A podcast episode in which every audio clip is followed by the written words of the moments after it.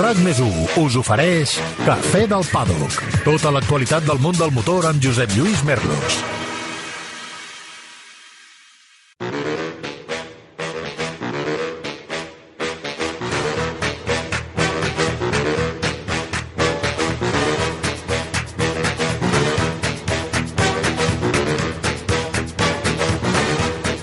Tornem a l'escola, torna l'emoció. Caram, quin cap de setmana més xulo que hem tingut.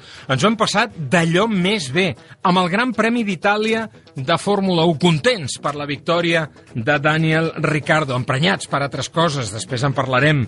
Gran Premi de l'Aragó al Motorland. Quines últimes voltes ens van regalar Marc Márquez i Peco Banyaia, amb una victòria merescuda de Banyaia i un Márquez que ens va recordar els seus millors temps. I com vam vibrar diumenge al vespre amb la cursa de la IndyCar, l'Àlex Palou, quina victòria tan extraordinària. Sortia per primera vegada des de la pole, li van clavar un viatge al primer revolt, va caure fins la setzena posició, però els estrategues de l'equip Chip Ganassi el van empantar fins la primera posició que li ha tornat a donar el lideratge del campionat de la IndyCar. En parlem, com sempre, amb els nostres amics i col·laboradors del programa. Maria Serrat, que xulo va ser veure Daniel Ricardo a ca al Oh, cap quina damunt del podi.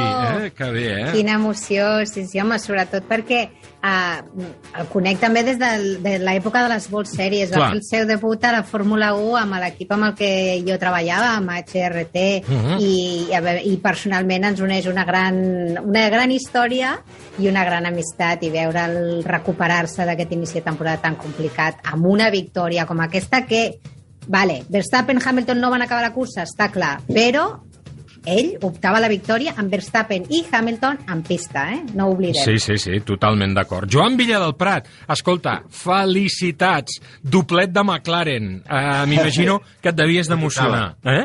Ja, ja tocava, ja tocava, i a més a més, eh, eh, molt content per, per, per tots dos, per Norris, per, sobretot per Ricardo, perquè crec que ha tornat a demostrar que és un grandíssim pilot, encara que aquest any ja es, li posaven, una altra vegada se li posava aquest punt d'interrogació, s'ha perdut ja el que era, no era, doncs no, ha tornat a demostrar que està allà i que cada dia va més ràpid amb aquest McLaren i estic convençut que el tàndem Norris-Ricardo serà un tàndem de donar molta guerra per al resto de l'any. Vull dir que impressionant, fantàstic, i tot començant des de classificació Sí, senyor. i la- l'Spring Qualifying Race, no? O- o com se digui. famosa, O com se eh, digui. Aquest nom tan raro que hem posat, no? Spring Qualifying Race. Bueno, doncs això.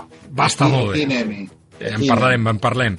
I a les motos també ens ho vam passar d'allò més bé. Oi que sí, Quim? Aquesta vegada el cafè ha de ser amb gel, perquè els ànims estaven tan encesos aquest cap de setmana, eh, ens vam posar tan calents, en el bon sentit de la paraula, amb totes les curses, que, escolta, ara el cafè el volem amb gel, eh, que sí, Quim?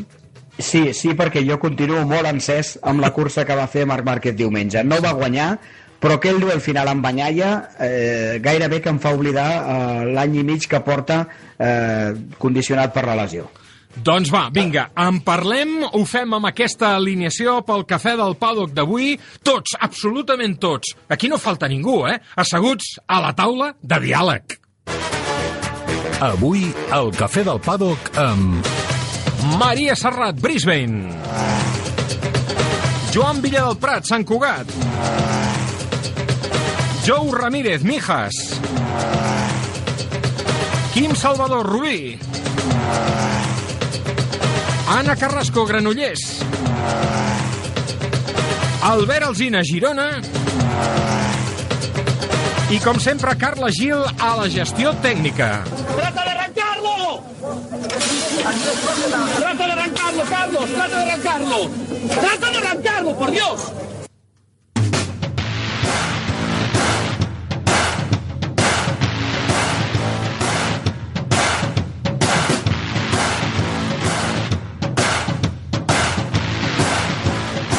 Daniel Ricardo i Lando Norris fan el primer doblet per McLaren a Monza 11 anys després de l'anterior.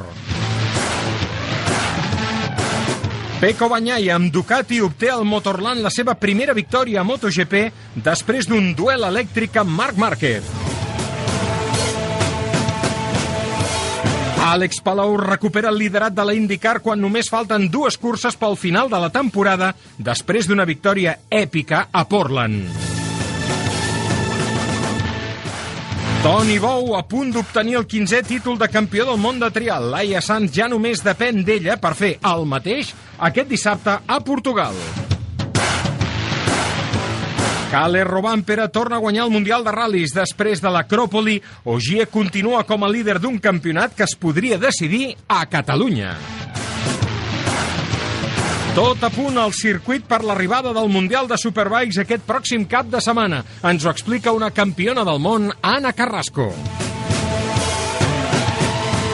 La tensió entre Hamilton i Verstappen arriba al punt màxim. El neerlandès, penalitzat amb tres llocs a la graella de Sochi. Qui va tenir la culpa de l'incident? Cal aturar aquesta rivalitat immediatament. És justa la sanció al de Red Bull? En parlarem. El cafè del paddock d'avui, un cafè que ve carregadet.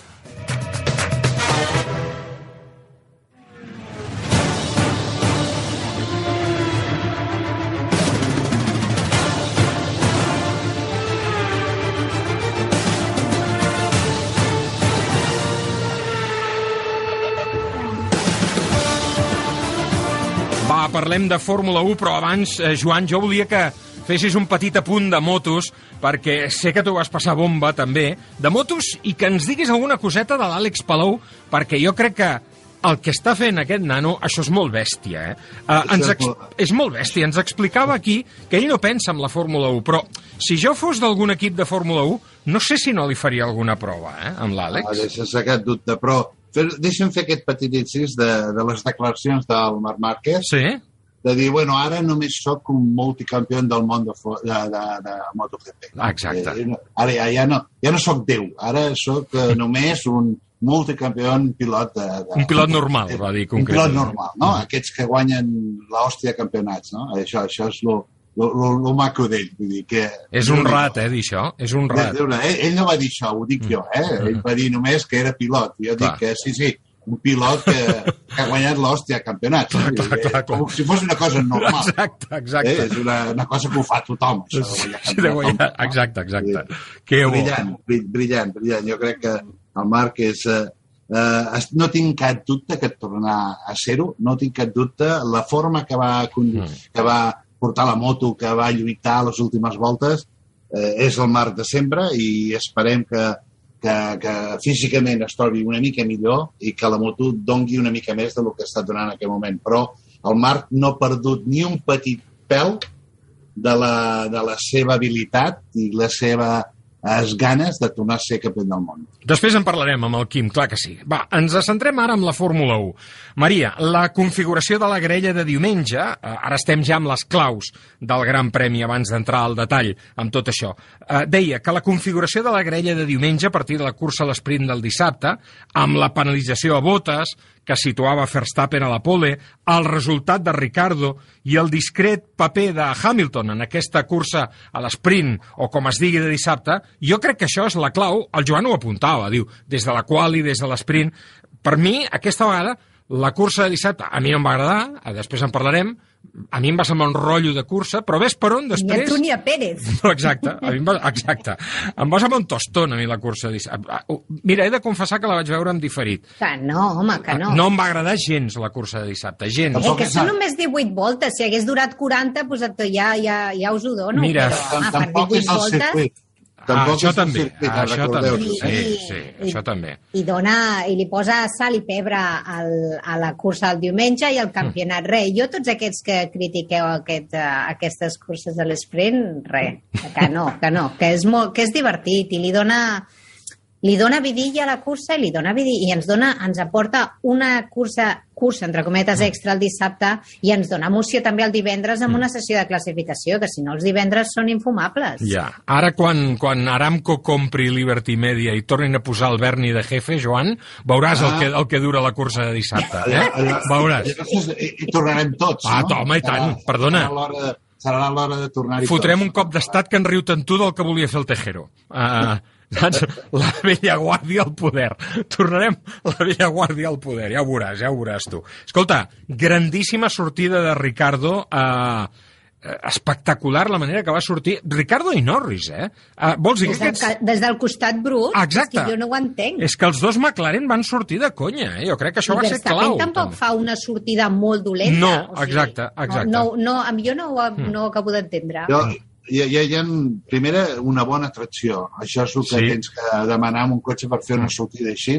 Vol dir que té una grandíssima tracció. I es veia cada vegada que se li acostaven a la frenada, a la sortida dels revolts, els McLaren se'n anaven. Això per primera part. Un Mm. cotxe que és tremendament eficient. Vol dir que té la velocitat punta sense tindre masses ales eh, que, el, que el frenin a la recta. Això és una de les coses que és clau en aquest McLaren. Sí. I la gran, el gran treball que es va fer canviant del motor Renault al motor Mercedes, Uh -huh. a, a, que de seguida aquest cotxe va estar al, al punt des de la primera cursa. Vol dir que aquí tens tres claus del McLaren perquè el McLaren és competitiu.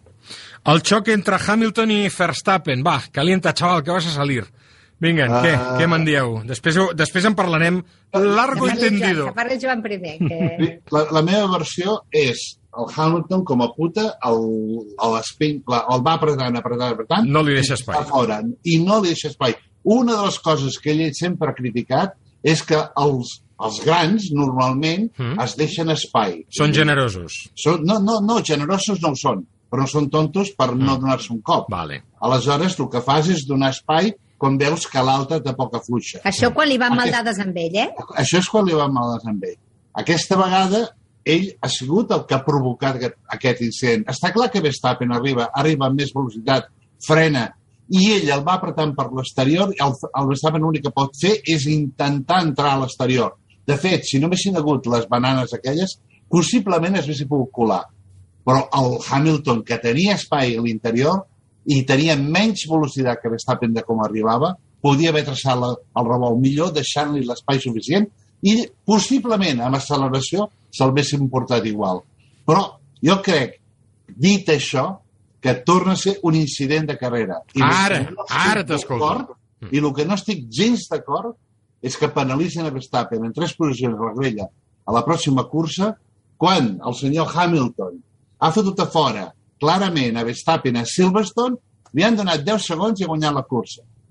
Vull dir, on és la lògica en totes aquestes històries? Vull dir, tornem i em torno a emprenyar moltíssim en el que és la, la, la, la, eh, la manera de funcionar dels comissaris, la poca estabilitat Sí, no hi ha coherència, no hi ha i coherència. la poca coherència eh, que, que tenen a l'hora de dictar eh, un incident. Maria, És curiós, eh? perquè hi havia un pilot que es diu Vito, Vito, Vittorio Luzzi, que sí. en teoria... Vit Antonio Liuzzi. Vit Antonio Luzzi, que en teoria va estar poc temps a Fórmula 1, però bueno, almenys s'hauria de, de, de, de, de, de tindre una mica més de sentit comú. No sé si ell Jo està et diré, et diré més. Està Vit Antonio Luzzi, però està Gary Connelly. Ara, eh? ui, ui, la després en parlarem de Gary la té Connelly. jurada Verstappen.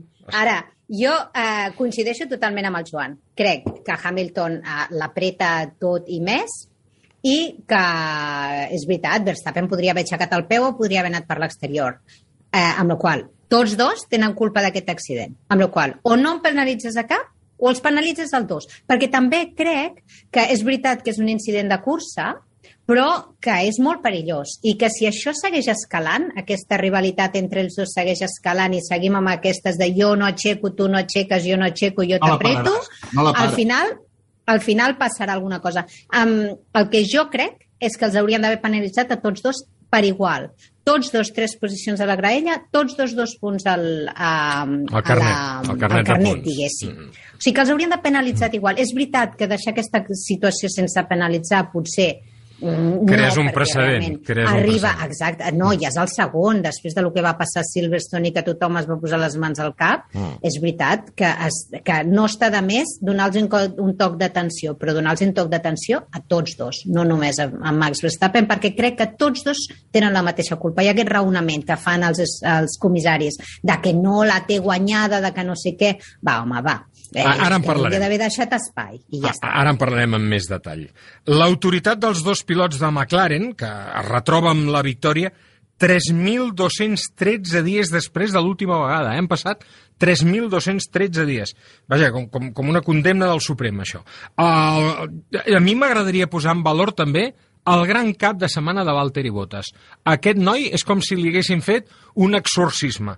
S'ha quedat més alliberat, ara que marxa de, de Mercedes, que el bisbe de Solsona. Uh, perquè sí, realment... un pes de sobre S'ha que no tret un pes de sobre bestial, eh? Esteu d'acord o no? Sí, sí, no sé si tant com el bisbe de Solsona, Sí. però, però, però... No sé si s'ho passa que- tan bé com el bisbe de Solsona, ara, però, Exacte. però que ha quedat alliberat, sí. Eh? Segur. Això sí. Va fer la, va fer la, la pole, vull dir, eh, a més va guanyar la cursa sprint, després va tindre la penalitat per haver canviat el motor, però després va fer una remuntada Va fer una impecable. remuntada fantàstica.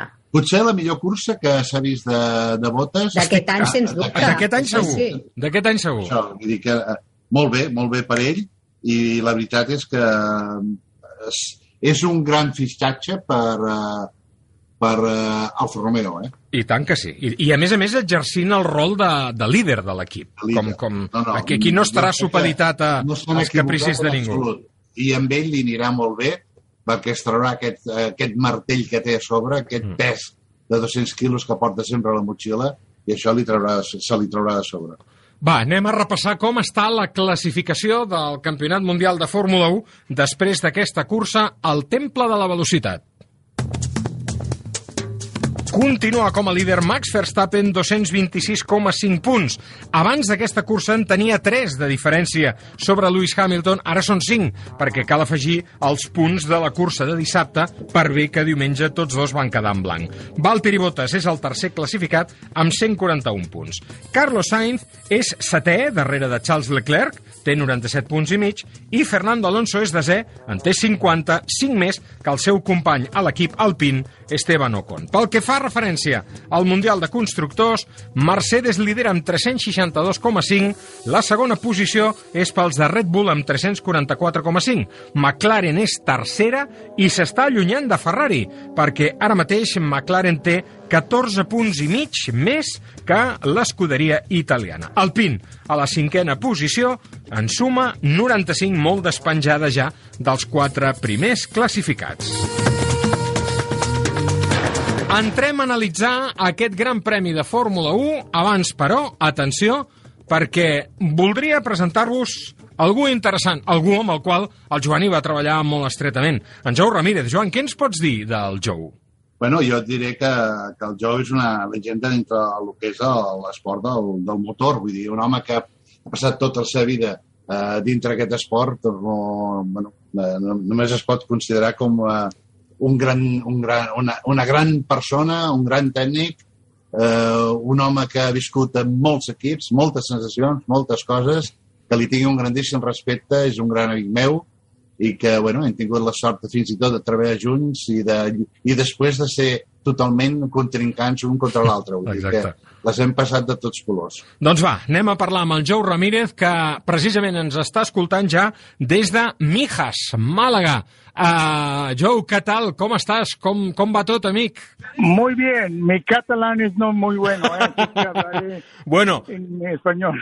mi mexicano tampoco, ¿eh? Tampoco es muy bueno. Tú lo sabes. Oye, ¿cómo estás? Qué contento estoy de, de hablar contigo. Muy bien, muy bien, no me puedo quejar con los achaques de la edad, pero aquí viviendo. Bueno, no se vive mal por aquí. Además, tú estás hecho un chaval, no. hombre. ¿eh? Me consta, me No, consta. no.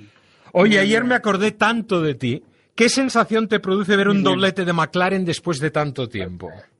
Pues la verdad que fue muy emotivo, muy emotivo para mí, para cualquiera de nosotros, como yo que estuvimos tantos años en McLaren y que después McLaren se ha llevaron muchos años, creo que el último primero y segundo que hicieron fue en el 2012, así que era ya, como diría, muy overdue regresar a este punto. Después hemos tenido muy buenas actuaciones de Lando Norris, eh, Ricardo, se ha- em, Daniel se ha hecho mucho tiempo a acomodarse al coche, pero hoy parece que ya está bien acomodado al coche y es un tipo con mucha experiencia y ayer lo demostró una vez más que es un ganador. Así que para McLaren, para los McLaristas de Hueso Colorado, pues estamos encantados. Oye, ¿podríamos decir que McLaren ha vuelto, que vuelve a estar en la senda del éxito? Yo espero que sí, es lo que yo les escribí a mis amigos, dice, sí, se llevó algunos años, pero ahora ya no tienes que ver, uh, tienes solo que ver al espejo retrovisor de aquí adelante y esperamos que sea así. No, desde que tienen a Andrea Seidel, puesto alemán que estuvo muchos años con la Porsche, es un tipo genial, ha hecho un, formar un grupo muy bueno y, la verdad que eh, todos trabajan con la misma pasión de volver a llevar a McLaren a, su lugar, al lugar que le corresponde. Y ojalá y sea así, ¿eh? Y Zach Brown también habrá jugado su papel en esto. Claro que sí, Jack uh, Zach es un tipo también muy bueno, no solo a, a, encontrar patrocinio, que es muy difícil estos años, pero también a encontrar la gente y hacerlos que engranen muy bien entre ellos, que es el, el secreto, yo creo, de todos los equipos. ¿Cómo valoras el nivel de los dos pilotos, el de Dani y el de Lando? Pues los dos, también Lando es, es excepcional, tan joven eh, que ha llegado a, a este, pues a este, como te diré, a, este nivel, es súper. Uh, Dani ya lo habíamos visto, que ganó carreras con uh, Red Bull uh, y es un tipo también con mucha experiencia. Le costó un poco el trabajo acomodarse a este McLaren, pero cuando ya se acomodó, pues yo creo que ahora los dos van a tirar adelante. Y, y la primera carrera pues te da un senso de, de self-confidence en ti mismo, claro. en el equipo, eh, y todo ayuda, ¿no? Inclusive ayer los, los pit stop fueron a little, un poquito más de dos segundos, perfecto. Los, entonces todo el team está trabajando muy bien y es un momento que, que no tenemos que perder, que se le, tienen que hacer lo mejor de él, ¿no? Por de pronto ya están cogiendo distancia en relación a Ferrari y ocupando la tercera posición del Mundial de Constructores, que era un objetivo impensable hace apenas un par de temporadas. Oye, Joe, Exacto. ¿qué opinión te merece el incidente eh, que hubo entre Max Verstappen y Lewis Hamilton? ¿Te sentiste rejuvenecido por un instante? ¿Reviviste épocas del pasado? sí, sí, sí, lo vamos a ver yo creo que más de una vez, ¿no? Uh, pero casi todos los accidentes se pueden evitar y este era un accidente que se podía evitar pero ya sabes son dos tipos que no dan la mano a torcer y así que eh, Luis no le ha dado suficiente terreno y y, y Max eh, Max se ha olvidado o el momento es difícil que ahí había una banana y cuando vas sobre la banana la banana lo lanzó arriba y eso fue el problema. Si no hubiera sido la banana, se va del otro lado y no hubiera pasado nada, ¿no? Pero en ese momento, pues no, tú quieres no salirte de la pista, estar en la pista lo más que puedes. Uh, Luis no te da el terreno y pues te van a, tomar, a tocar, ¿no? Pero me, me duele que le hayan dado la, la penalización solo a Verstappen, porque para mí era un accidente de carrera. Totalmente de acuerdo. Oye, Joe, ¿crees que estamos asistiendo a una reedición de aquella rivalidad histórica entre Prost y Senna que tú tuviste la oportunidad de vivir en primera línea de fuego? Sí, yo creo que sí. Eh, la única diferencia es que, pues, que mm, trabajan con diferentes equipos, ¿no? Pero la rivalidad y probablemente por eso es más intensa, ¿no? Uh, pero sí, ya lo hemos visto en Silverstone y seguro lo vimos ayer y seguro lo vamos a volver a ver. Son ocho carreras que faltan, los dos quieren ganar, los dos nos quieren dar un centímetro más que puedan al, al enemigo eh, y va a seguir sucediendo, ¿no? Uh, gente inclusive dijo a lo mejor Verstappen lo hizo aposto porque tiene está adelante en el campeonato, pero no, eso imposible de pensar eso, ¿no? Pero es que en el momento, ya sabes cómo son los uh, racing drivers, se bajan la visera en el casco y ya no piensan en nada, solo en ganar. Y eso es lo que les hace grandes, precisamente. Oye. Joe, contentísimo de hablar contigo, muy contento además eh, por la alegría que imagino te supuso la renovación de tu queridísimo Chequito Pérez y nosotros también estamos muy contentos porque sabes que somos buenos amigos de, del piloto mexicano. Un fortísimo abrazo y que sigas disfrutando de esta temporada eh, como te mereces, con gran intensidad. Gracias, Joseph. Es un placer para mí hablar con, con, contigo y pues con toda la afición española del automovilismo que gracias a Fernando Alonso y Carlos Sainz es bastante grande. Cafè del Paddock, amb Josep Lluís Merlos. Bé, doncs, eh, diu això Jou Ramírez, no sé si vosaltres esteu d'acord. Creieu que aquesta rivalitat entre Hamilton i Verstappen pot ser més o menys aferrissada que la que, per exemple, van tenir a Prost i Senna, tenint en compte aquest argument que comentava el Joe, que Prost i Senna estaven al mateix equip, Joan, tu això ho coneixes molt bé, perquè hi estaves al mig del fregau, o, o si pot ser més dura aquesta, Maria, perquè estan en dues formacions diferents. Què penseu? Jo, jo, jo he viscut diverses d'aquestes, no? perquè sí. he tingut Lauda i Prost també, ah. era una realitat bastant bona, i si, i si mires uh, una sèrie de curses, uh, quan el Prost uh, estava pujant no tenia pas manies en aquell temps. Eh, mm. Diguéssim, el Laura era el pilot més, diguéssim, més tradicional i l'altre era el que li posava el morro i, i li feia totes les coses que tenia que fer ja. per, per l'ambició que tenia, no?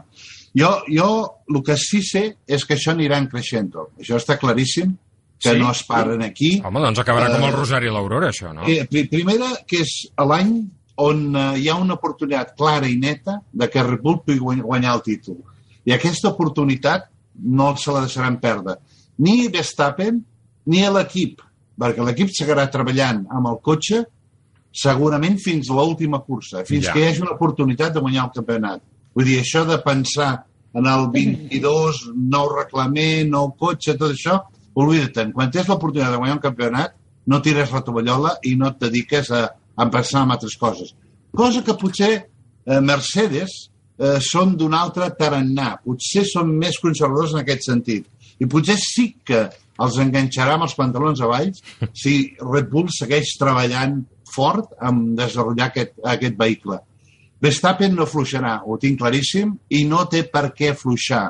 I vull dir, i fins ara, si tu traiéssim les coses de Silverstone més l'altra carrera, Verstappen estaria liderant el campionat yeah. amb més de 30 punts. Vull dir, i aquesta cursa, si no hagués sigut el problema del pit stop, perquè tot ve causat ah, Exacte. a través del problema del pit stop, la gran a, a l'errada que van fer... 11,1 ah, segons, cau del primer al desè lloc. Sí, sí, però és que a més a més, amb un equip que són els líders... Els reis del pit stop. Els reis de fer els millors pit stops de, de fa molts anys. Vull dir que no s'equivoquen que són constants, que estan sempre sota dos segons i que no s'entén ben bé què va passar, perquè dona la sensació que el, el noi ho fa tot bé i alguna llum o algun sensor diu que no està bé. Es va quedar el vermell encès. I llavors es té que tornar a entrar quan ja estava bé la primera vegada. Vull dir que pot ser...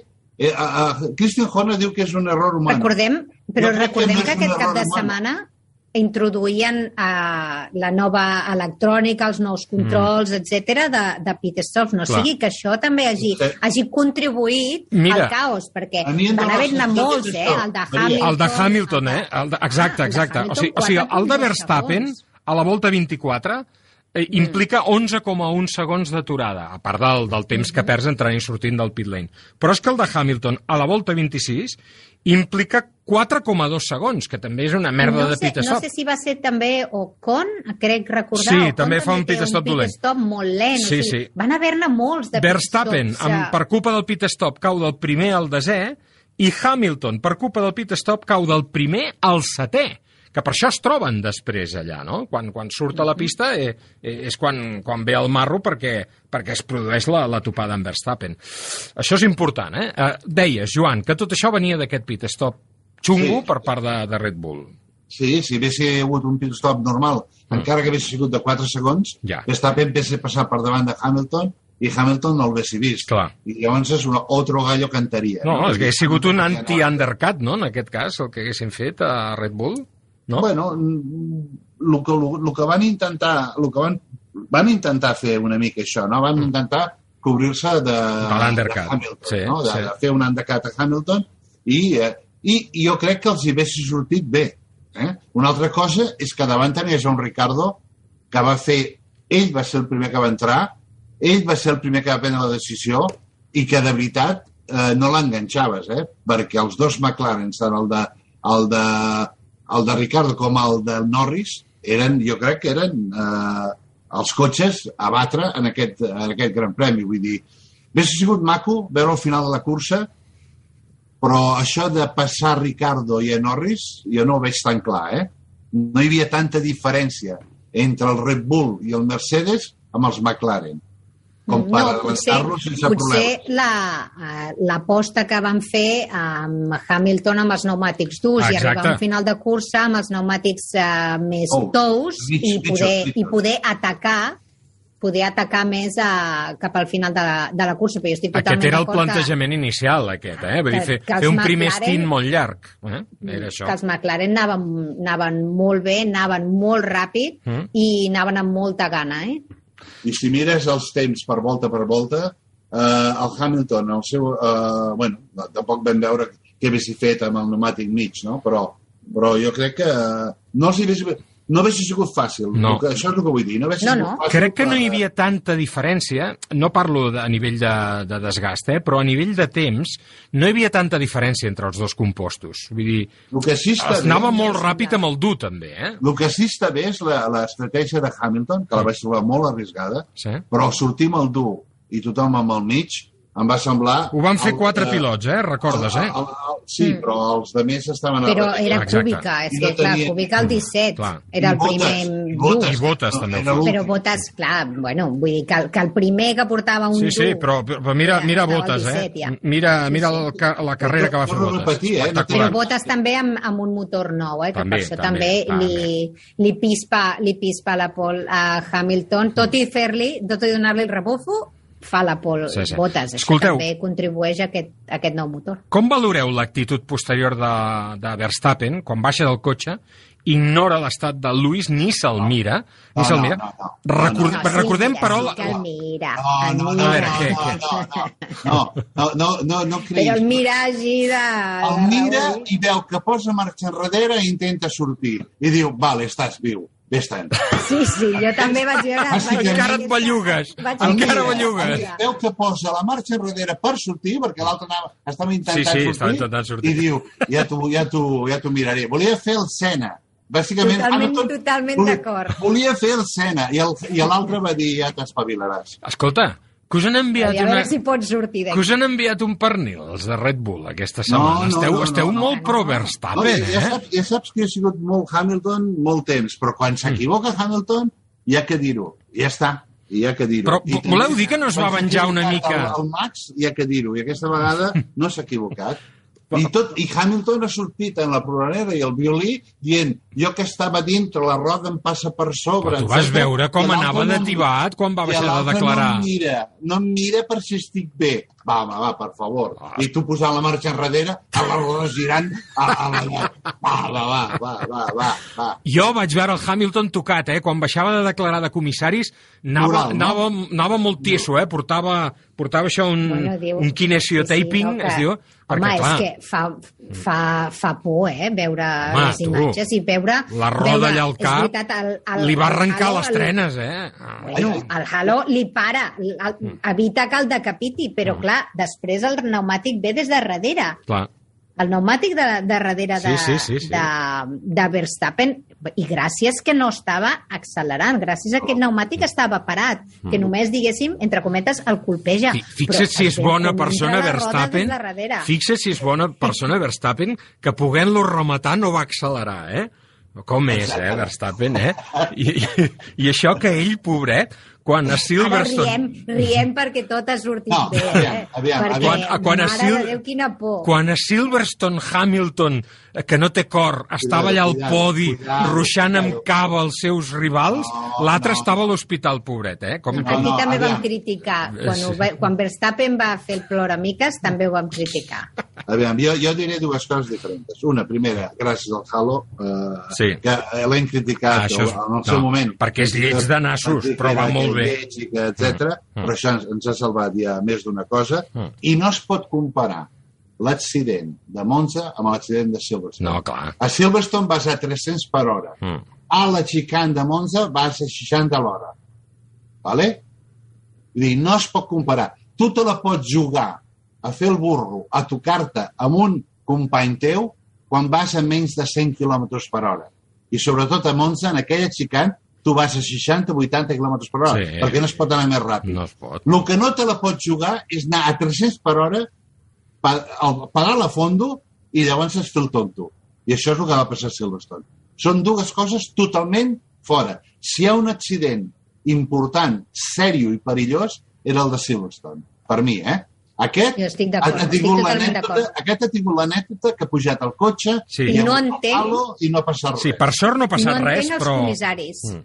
No Va. entenc el, la, el, el, el criteri de penalització No, és el que dels el Joan, amb comissaris. això- amb això estic d'acord. Ah, entenc que, que vulguin donar una lliçó, això sí que ho entenc, però no entenc que Hamilton se'n vagi, se'n vagi d'acord sense tu, cap Maria. tipus de conseqüència. Mhm. Sí, Mira, Estic molt d'acord amb tu, eh? Tots dos penalitzats, Tu, Maria. tu abans has parlat de Gary Connelly, eh? has fet referència, i el Verstappen es va despatxar a gust, perquè no és la primera vegada que el, que el Gary Connelly... Que aquest és el problema. Ah, Li va dir idiota i mongòlic. Exacte. després del Gran Premi dels Estats Units i se'n va haver de retreure i demanar disculpes públiques, Mm, però li va dir idiota i mongòlic, eh?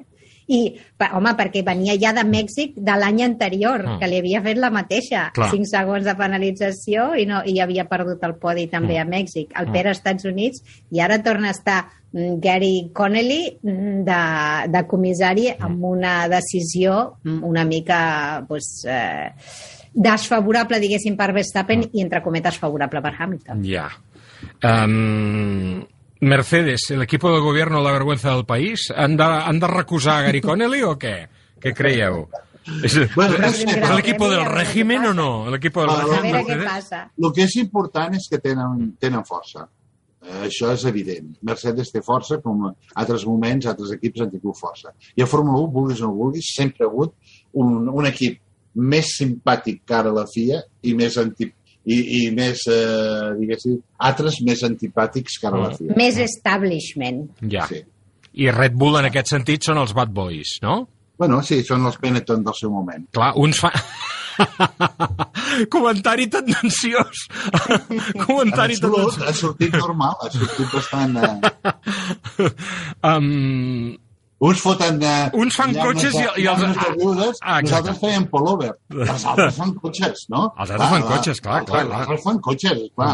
I aquests que venen aquí, que fan pullovers que fan llaunes de beguda, què ens han de dir nosaltres? Parlant de pullovers. Això és l'establishment que diu la, La Maria, no? i que és veritat. És absolutament total i veritat. Parlant de pullovers, escolta, um, jo és que estic molt excitat amb això de que els Aramco puguin comprar, no perquè Aramco pugui comprar a, a Liberty Media, que no és que Aramco siguin de les meves simpaties, precisament, eh, la gent que no valora el pernil no, no, no, no, no hauria d'accedir a càrrecs eh, públics. Bé, doncs, el, el que dèiem, um, jo estic content no pel tema d'Aramco, sinó per la possible tornada de Bernie Eccleston, perquè, clar, Joan, si torna el Berni, ara que parlaves de pullovers, quan tornarà, quan trigarà a aparèixer en, en escena Flavio Briatore en tot aquest context?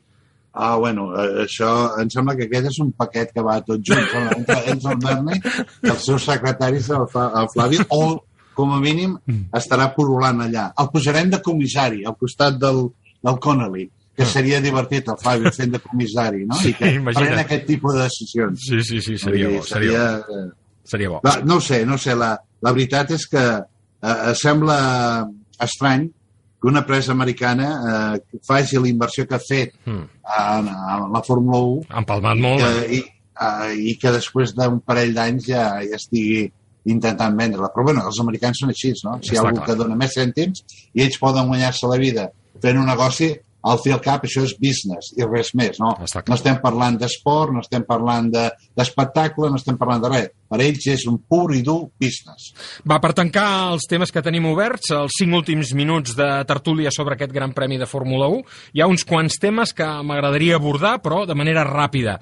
Gran festa de McLaren, merescuda. Recordem que el Dani no guanyava des de Mònaco 2018, que McLaren no ho feia des de Brasil 2012, i l'últim doblet dels The Walking va ser precisament a Brasil el 2010, fa 11 anys d'això. Quin paper juguen en tot això a Zach Brown i el, el, el Joe ara ens acaba de dir que el Zach és important en la recerca de patrocinadors, però que la clau és sobretot per l'Andrea Seidel. Què penseu vosaltres? Sí? Home, jo no sé si és la clau. Eh, Jo crec que eh, és una evolució. McLaren ja ve creixent, en creixendo eh, de, fa, de fa temps. No? Vull dir, jo crec que el, el, el director tècnic que van agafar de, de, De Red Bull, precisament. de Red Bull, com es diu? No em surt el nom. Bueno, No saps qui vull dir? Sí, sí, saps sí, sí, perfectament el que vull dir. Mm. Uh, aquest ha sigut una gran, és una gran aportació. Hi ha el motor Mercedes ha sigut una gran aportació també. Uh, I bueno, jo crec que han fet un cotxe i el porten fent ja mm, diversos anys bastant bo. Uh Mhm. -huh. Aleshores, uh, jo crec que Zach li va costar moltíssim però va començar a posar la gent on, el te, on tenia que estar, On tocava. gent, on tocava, i eh, l'Andrea ha arribat i ho ha acabat de, de, de moldar. Jo crec que, eh, sense tindre molta experiència en Fórmula 1, aquest tio és un tio, és un mànager bastant, bastant bo. Jo estic d'acord, estic d'acord amb el Joe Ramírez en aquest sentit de que el Zach eh, ha portat els diners, ha aguantat a l'equip, ha assegurat la supervivència de l'equip perquè aquell, aquells, aquelles llavors que es van plantar doncs, donguessin fruit i l'Andreas amb calma i amb seu, silenci Maria, han vengut la Ah. seu per, per referenciar l'equip. O sigui, s'han vengut la, la gran fàbrica. Bueno, ha fet el que tenia que fer per assegurar la supervivència de l'equip. Clar. Exacte, És vull dir que-. Que això Ron Dennis no ho hagués fet mai, eh, això. No. Mai a la vida, Clar. mai. Perquè era la, seva, Clar. era la piràmide del faraó. Era La- seva, la seva- l'ha fet ell. Clar, clar, clar. és que és diferent. Clar, clar. El Sí, Brown ha entrat aquí com a treballador. Clar. Ell era, ell era, era el seu, el seu imperi, l'havia Sí, sí. creat ell. Mhm. Aleshores, jo crec que, torno a repetir, li va costar moltíssim, perquè van fer moltes errades a l'inici, Mm. però a poc a poc ha anat posant les coses al seu lloc. Ja. Jo crec que gran mèrit és Zach Brown i després, òbviament, trobar les persones adequades, posar-les en lloc, llocs adequats. I això està molt bé. Abans ho deia, Marieta, McLaren agafa avantatge sobre Ferrari al Mundial de Constructors. I això que dintre de tot, bueno, Leclerc va ser quart, Sainz, descontent novament sisè, els Ferrari d'alguna ma- forma van quedar beneficiats per la penalització absurda, segons el meu criteri, a Checo Pérez, com absurda va ser també la penalització a Giovinazzi pel toc amb, amb Hamilton. Vull dir, jo crec que aquest cap de setmana... Mira, jo sempre, sempre he entès que un nano vulgui ser Leo Messi, que un nano vulgui ser Michael Schumacher. Eh, El que no entenc és que un nano vulgui ser eh, Urizar Azpitarte o, o Gary Connelly, no? Eh, jo crec que hi ha algun component genètic que a mi se m'escapa eh, que fa que la gent que vulgui ser àrbitre, perquè, clar, hòstia, aquest cap de setmana estaràs d'acord o no amb el tema del Verstappen. Uh, però és que el cas Sí, del senyor. Giovinazzi i el cas de Checo Pérez, que no ocupen grans Que no, titulars... el de Mazepin... Que no, el de Mazepin, ara parlarem de Mazepin, perquè... ah, Vaya tela, aquest... eh, Vaya tela. Um, doncs, uh, escolta, Bueno, no sé, eh, van estar A veure, fatal. comissaris, comissaris a part, també, com, com tu dius, eh, Ferrari Mm. minimitzar danys aquest cap de setmana, que Mm, prou, a prou casa, bé, prou bé se n'han sortit, Sí. exacte, prou bé se n'han sortit de, del desgavell Mm. del cap de setmana i de com va el cotxe i de com pues, Carlos Sainz eh, també ha sigut un cap de setmana de, de passem pàgina Sí, i sí, tirem sí. endavant perquè no, no En ens hi hem lluït quants, eh? massa. Portem Sí, uns quants. I no ens hem lluït massa. en portem tres. Això, això és, és important perquè I Leclerc, doncs, a poc a poc i bona feina. Mira, mm. tret dels problemes de motor, Sí, sí, va tret, ha tret petroli d'aquest d'aquest cap de setmana. Sí, I la sí. penalització de Pérez, també absurda, però també és veritat, guanya una posició que hauria d'haver tornat abans. Sí, clar, o sigui, que hauria d'haver tornat. Sí. Un moment, un moment, un moment, un moment. Uh, per, per, donar, per tornar a la, la, la, la posició, t'ho ha de dir el director de cursa. Bueno, ja- el director de ja- cursa diu que ho va dir, eh? Bueno, ell diu que ho va dir. Aquí- Christian aquí Horner hi diu ha- que no. Ah, per això, aquí Si algú ho va- diu... si ho va dir, deu estar gravat. sí, però si, si, aviam, totes aquestes uh, informacions i contactes Sí, sí, tot això queda graven. gravat, clar, clar. Això queda gravat. Vull dir, té que haver en algun moment algú que tingui la raó. Qui la té, Vale, no ho sé. però, bueno, Però si, no ho sabem. Si Christian però- Horner no té, no té la raó, l'equip ha fet una cagada enorme. És que diu que, Ah. diu que ell ho comunica al pit line, ai, al, al mur, eh? I el mur no és Christian Horner, el mur és Jonathan. Jonathan Willy, exacte. Sí, però és igual, el Jonathan està al costat de... Sí, però el Jonathan... Ah, bueno, però prou, a veure. prou pollastre tenia el Jonathan amb el tema del Això em Verstappen. refereixo, a això em refereixo. Amb el tema Verstappen, Que que, no hi després hagi hagut allà és el que acompanya, mala- clar, és el que acompanya Max a declarar comissaris. Cursa sorda d'Alonso, amb un cotxe que no s'adaptava a les necessitats de Monza, Russell que torna a puntuar, no perdem de vista això, amb un Williams, Latifi, que jo crec que està progressant, eh, jo crec que està millorant Latifi dintre de, de, de, Sí. del seu nivell, evidentment.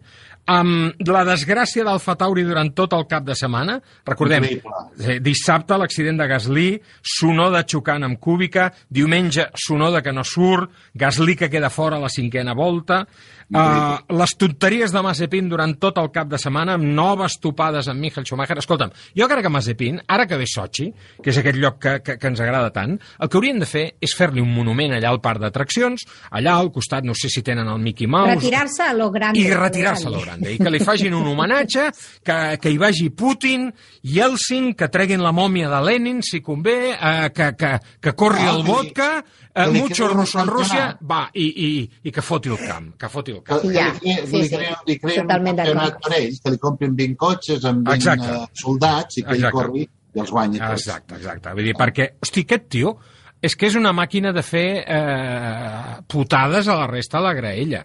És que, a, a mi, mira, em recorda que aquesta gent que van pel mig, al carril, al carril del mig a l'autopista, Mazepin. Vull dir, em, em recorda aquesta gent, saps? Aquests que, jo, hem vingut molt bé, eh? Hem vingut molt bé. No, no ens hem mogut del carril del mig, però això sí, hem vingut molt bé. Va, i per acabar, eh, els rumors de la retirada de Vettel, ens ho creiem o què, això?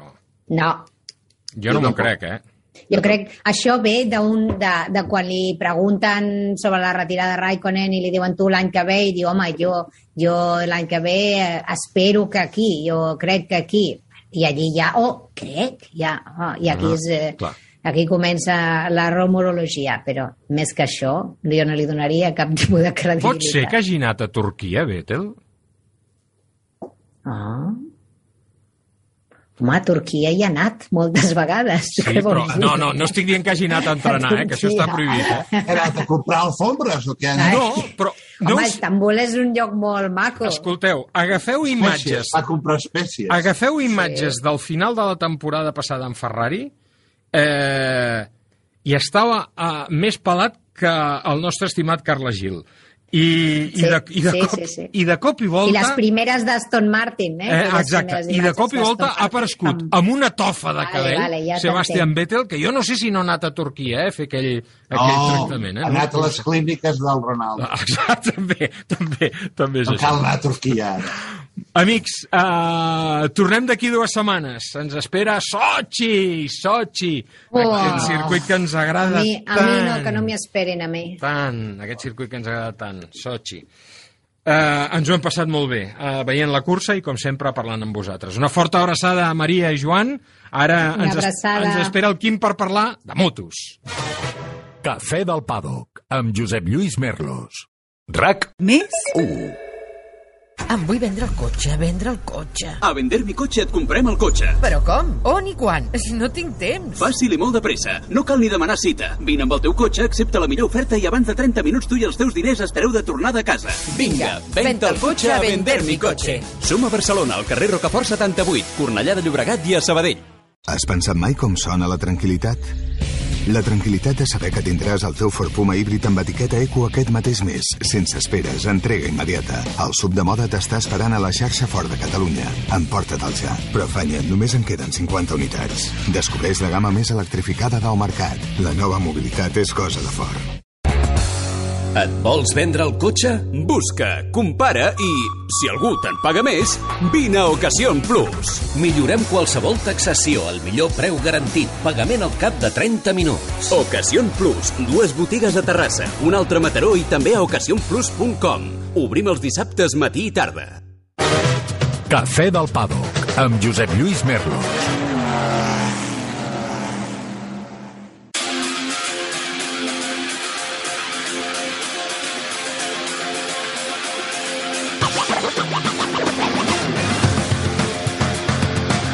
I dels cotxes a les motos, perquè, com dèiem, aquest cap de setmana ha estat un autèntic regalàs, perquè si el Gran Premi d'Itàlia de Fórmula 1 va ser tot un show, el Gran Premi de l'Aragó, el Motorland del Canyís, no va ser menys espectacular, sobretot en la categoria reina, la categoria de MotoGP. Ho vam passar molt i molt bé. Alguns han dit que ha estat la batalla de l'any. A mi em sembla una mica exagerat. La veritat és que l'última volta va ser per emmarcar-la. Ara en parlarem i ho farem, com us anunciàvem abans, amb en Quim Salvador. Quim, anem per feina i escatim en primer lloc les claus d'aquest Gran Premi de l'Aragó. En primer lloc, per mi, importantíssim, 20.000 persones al Motorland al cap de setmana, 11.300 el diumenge. Potser n'esperàvem unes quantes més, sobretot tenint en compte que a Montmeló n'hi van anar uns quants més, però vaja, déu nhi De mica en mica va tornant la gent als circuits i això és bo. Sí, sí, de mica en mica torna la gent als circuits i anem recuperant normalitats que ens comencen a quedar massa lluny fa patxoca i, home, que esperàvem més gent, potser sí, també és veritat que després de tant temps que no es podia fer gairebé res, poder costa una mica, mm. i a part Motorland està una mica allunyat de tothom, eh, de tothom no, de, de tot arreu. Però vaja, gran notícia i tant de bo això continuï progressant. Les ganes de Marc Márquez. Jo destacaria això i sobretot la seva honestedat. Dissabte, crec que era, vaig llegir una entrevista extraordinària a La Vanguardia del nostre estimat Toni López Jordà, una entrevista boníssima, on el Marc parlava amb una claredat absoluta i confessava les seves limitacions. I penso que això és a ser molt honrat. I després en cursa, malgrat tot això, déu nhi déu Mira, jo puc dir que vaig tirar el pal perquè l'últim cafè del paddock vaig vaticinar, eh, no m'hi guanyaré la vida de futuròleg, que Márquez guanyaria el Motorland. No, no va guanyar, és veritat. No saps com em vaig recordar de tu.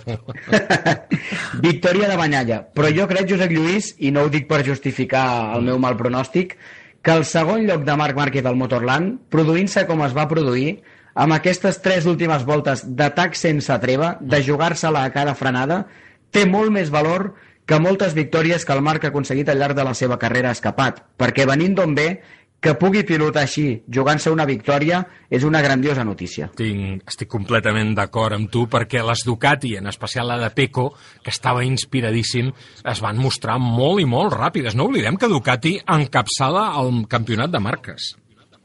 Sí, qui ho havia de dir al Motorland, eh? un circuit sí. històricament eh, difícil per Ducati, només Stoner hi havia guanyat l'any 2010 allà i bé, tenim aquest Mundial eh, una mica boig, on, on costa una mica d'entendre a vegades per què passen les coses i de cop i volta en un circuit on solien patir, patapam, tenim una exhibició de Ducati i amb un Banyaia a qui per fi li va quadrar tot. Eh, ja ens havia demostrat eh, velocitat i consistència aquesta temporada, havien passat cosetes que li havien impedit guanyar i potser el dia que teòricament era més difícil, que és jugant-se-la amb Marc Márquez fins a l'última volta, doncs arriba aquesta primera victòria de Peco Banyai a MotoGP. Per què ha trigat tant en arribar?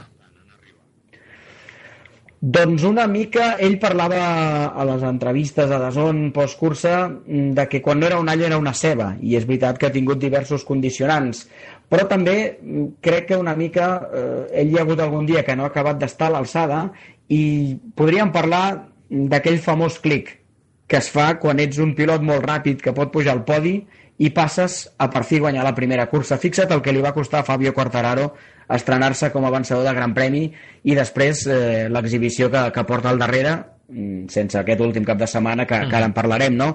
I tinc la impressió que Banyalla una mica doncs li ha passat això. A vegades fer el clic de quedar segon, tercer a guanyar és complicat i, i ara Banyaia per fi ha pogut fer el clic i, de fer, i a més de manera magistral. Jo crec que, eh, que estem davant d'un pilot molt fiable, ja ho hem comentat altres vegades, vejam si ara amb aquest pas ja de ser guanyador doncs eh, també es converteix en una aposta molt més segura.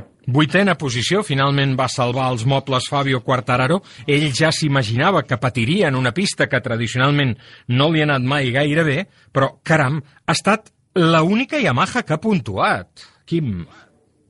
Desastre absolut de Yamaha eh, en un circuit que, home, no era el millor per ells, però tampoc havia de ser, en teoria, un desastre. El cap de setmana de Quartararo m'ha traslladat una mica la temporada passada, eh, en aquell sotrac que va tenir, que li va acabar costant el Mundial. La sort del francès és que aquest any és el primer cap de setmana que té un sotrac així i fins ara ha sabut treure molt bon rendiment fins i tot dels circuits eh, que no li eren favorables. Mm, mal menor per Quartararo, que manté un avantatge enorme al Mundial i que, ostres, a no ser que Misano també se li ennuegui i a més si han de fer dues curses jo crec que tenim campió del món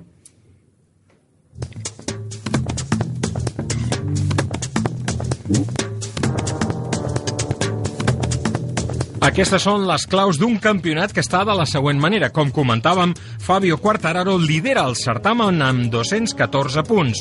Peco Bagnaia és el segon classificat, l'italià està a 53 punts del pilot francès. Joan Mir, l'actual campió, primer espanyol classificat, ocupa la tercera posició a tan sols 4 punts de Peco Bagnaia.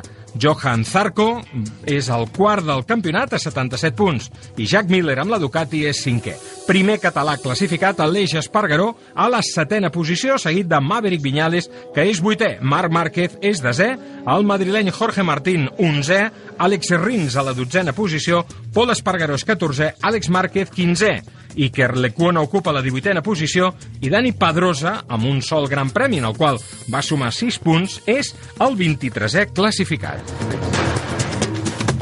Quim, anem ara al detall d'aquesta cursa de MotoGP, ho fem des del punt de vista més tècnic. És evident que la cursa va estar condicionada per la temperatura de l'asfalt i el desgast dels pneumàtics. Si ho analitzem, els dos primers classificats, el Peco i el Marc, anaven amb la roda dura al davant i això ho diu absolutament tot i més després del que havia passat a Moto2 i sobretot a Moto3, on vam veure un grapat de caigudes per la temperatura. Sí, sí, sí, és evident que les condicions de pista de diumenge eh, no eren les mateixes que divendres i dissabte. La pista oferia menys adherència, ja s'ho veien a venir, perquè dissabte vaig escoltar pilots que havien de sortir endarrerits, com l'Àlex Rins, explicant que l'única opció que tenia de remuntar era posar pneumàtic tou, però no veia gens clar poder arribar amb un mínim de condicions a final de cursa, i així va ser, i jo crec que per això no varen veure un mm, Marc Márquez atacant abans Banyaia. També és cert que no tenia més ritme que l'italià, però era evident que eh, si arribava a la recta de contrameta eh, emparellat amb Banyaia, Márquez tenia les de perdre per l'acceleració a la recta i perquè en el revolt d'entrada meta, que és territori Márquez, és un revolt d'esquerres obert fantàstic per ell, resulta que Banyaia ha trobat aquest cap de setmana alguna coseta que li permetia fer-lo millor que ningú. En aquell últim parcial era impossible passar-lo. Ara, intentar trencar abans sense tenir millor ritme volia dir forçar moltíssim i probablement quedar-se sense pneumàtic. I per això, eh, tot i que al final va ser apassionant, sí que és veritat que fins que vam arribar a les quatre últimes voltes, home, la cursa gaire entretinguda no ho era, perquè home anaven juntets sense atacar-se. Sí, però déu nhi eh? déu nhi perquè es veia venir, no?, que s'estava sí, allò... Sí. S'avecina una tormenta, no? perquè veiem sí, sí, a venir, sí. dèiem, ui, ui, les últimes voltes, ui, ui, ui, i mentrestant al darrere anaven passant, anaven passant cosetes, no? Contrasta molt, cosetes, sí, contrasta veritat. molt uh, la solidesa del Peco, que a mi em va encantar, perquè no és fàcil, eh? Uh, tirar uh, des del primer moment, aguantar tot un gran premi, i que el Márquez et deixi, et deixi, et deixi, et deixi, perquè uh, t'està passant la mola d'esmarilar, eh? deixant-te a la primera posició. I, ostres, contrasta molt aquesta solidesa del Peco amb el mal rendiment de l'altre Ducati, per exemple, la, del, la del francès, la de, la de Johan Zarco, Zarco. que acaba 17è, jo no sé qui li va triar els pneumàtics a Zarco, però justament el que deia, no? O sigui, Zarco anava amb una tria completament diferent a la de Peco Banyaia i aquí està el resultat. Un primer i l'altre 17è. Caram. Sí, uh, Zarco i el seu equip la van pifiar aquesta vegada. No sé si se la van jugar allò de dir, mira, eh, com quan a la travessa la fas del revés sí, si l'encerto l'han de dir, guanyat no? i et fas ric, no? Mm. Sí, mm, jo crec que Zarco ha anat veient com es desinflava i va haver un moment del campionat que ell pretenia erigir-se en alternativa de Ducati a Quartararo, la classificació general ho confirmava, a mi el fet de que no corres amb l'equip oficial em deixava molts dubtes, ell estava convençut de que no seria un problema, però potser aquestes alçades de temporada ja doncs, ha decidit fer una juguesca arriscada o simplement eh, es van equivocar.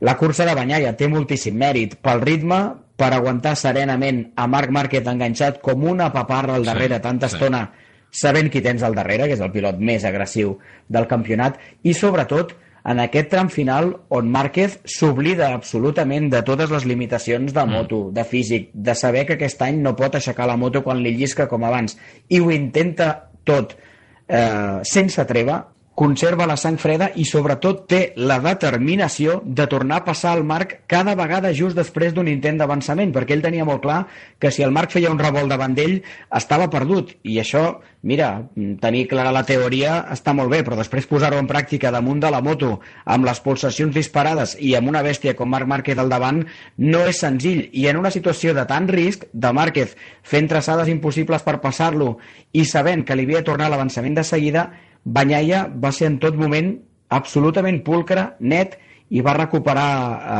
la primera posició de seguida sense generar ni, ni situacions de risc que hagués estat normal en un duel així. Per tant, eh, com ell mateix deia a l'acabar la cursa, és la primera victòria a MotoGP, això és un dia inoblidable per qualsevol pilot, però a sobre, guanyar com va guanyar eh, li dona encara més valor aquest triomf de, del Motorland. Estic completament d'acord, Quim, amb aquestes afirmacions. I a més a més, és el que tu deies, no? I el que et comentava d'aquesta entrevista a La Vanguardia, de, de les declaracions que havia fet a Dazón al Márquez durant tot el cap de setmana, jo he vist un Márquez molt honrat. I hi ha una frase que diu, en una entrevista, ara no recordo quina, diu, diu en aquests moments, explicant les limitacions que li dona, no tant el braç com sobretot l'espatlla, ell diu, diu, ara sóc un pilot normal. Diu, ja no puc fer les salvades aquelles que feia abans. No sé si això ho diu d'una manera permanent, com si ja hagués passat aquella virtut que tenia, o com si és una situació transitòria que podria solucionar. Com ho veus, tu? Això és una frase que em va agradar molt de l'entrevista del Toni a La Vanguardia. Era molt bona aquesta entrevista, tu. Sí, i la frase és fantàstica per definir la situació del Marc. Mm. Eh, era un fora de sèrie i ara jo crec que temporalment ja no és tan fora de sèrie, ja no pot marcar la diferència com ho feia abans, però tot i així diumenge varen veure el que varen veure, és a dir, la mentalitat del Marc no ha canviat gens ni mica. Fa setmanes vàrem llegir, eh, no vull ni saber on, que el Marc havia tingut una caiguda perquè tenia por. Ara deien que tenia por. Escolti, eh, vostè no, no, vostè em refereixo a qui va escriure això, eh? Va, va. Ni coneix a Marc Márquez, ni l'ha vist a la pista després de la lesió. Ni ha anat mai en perquè... moto. Ni ha anat mai en moto, Segurament, ah, perquè Marc Márquez continua arriscant i diumenge ho va demostrar. Jo crec que això de ser un pilot normal es referia a la situació actual Clar. i confiant que no sigui ja per sempre. Aquesta és la gran incògnita. De fet, eh, el mateix dia publicava una entrevista a Marc Márquez al diari AS i hi havia un altre titular que complementava amb aquest, que deia no sé si tornaré a ser el Marc que era. Doncs és això, ara sóc un pilot normal, no sé si tornaré a ser el que era, això es va publicar dissabte, i diumenge van, van veure una cursa que, home, potser el Marc Márquez abans hagués guanyat, però no em va semblar gaire diferent d'aquells duels fantàstics que teníem Dovizioso ah, quan la Ducati anava millor que la Honda. Ah, exacte. I a més a més a mi hi ha una cosa que em va apassionar d'aquest duel, que va ser molt net. Uh, sí. perquè era, uh, van ser quatre voltes allò bestials on uh, els detractors de Marc Márquez, que n'hi ha uns quants, i jo estava dient, ui, ara saltaran, ara saltaran, però que no els hi va donar arguments en cap moment, i tampoc el Peco, eh, perquè va fer una conducció impecable l'un i l'altre. Va ser un duel fantàstic, preciós, elèctric, però amb una netedat increïble. Sí, en aquest cas Marc Márquez va saber sobrepassar el límit sense cometre errades, al contrari del que li havia passat a Silverstone en aquella topada amb Jorge Martín a la, a la primera volta. Vull creure que això és un bon símptoma, mm. que no és casualitat, perquè més no va ser un intent d'avançament, van ser set, i, i a revolts de tota mena, mm. i col·locant la moto com pogués, perquè, perquè anava absolutament a matar d'agolla. I Banyaia ho va saber gestionar, perquè una cosa és quan vas primer marcant el teu ritme, té molt mèrit, però tens la situació controlada, i una altra molt diferent és quan tens un corcó darrere que t'està ficant la roda de qualsevol, de qualsevol manera, entengueu-me, eh? Ja, no ja. de mala manera, no, no. sinó... A, a totes. Mm, a totes i a qualsevol lloc. I això també obliga el pilot que està sent atacat, en aquest cas Banyaia, a modificar trajectòries, a improvisar damunt la moto, i tot i així no es van eh, tocar en cap moment. Eh, un duel fantàstic, sí. A mi em va agradar molt també la confirmació del bon moment de Mir. Crec que, que en Joan Mir eh, torna a estar bé i també eh, no oblidem que el podi del Mir és el cinquè de l'any, no està gens malament. Uh mhm. I també el quart de l'Aleix, que, que, que per mi té un mèrit extraordinari. Eh? Recordem l'entrevista que li fèiem la setmana passada on ell es postulava com un dels candidats a la victòria i per què no? Escolta, va demostrar que sí, que, que l'Aprilia està allà. Després, la, la cursa va anar com va anar. Era una cursa molt complicada per les condicions de l'asfalt a causa de la temperatura. Però és que el quart aquest de l'Aleix, per mi té un gran mèrit una altra vegada.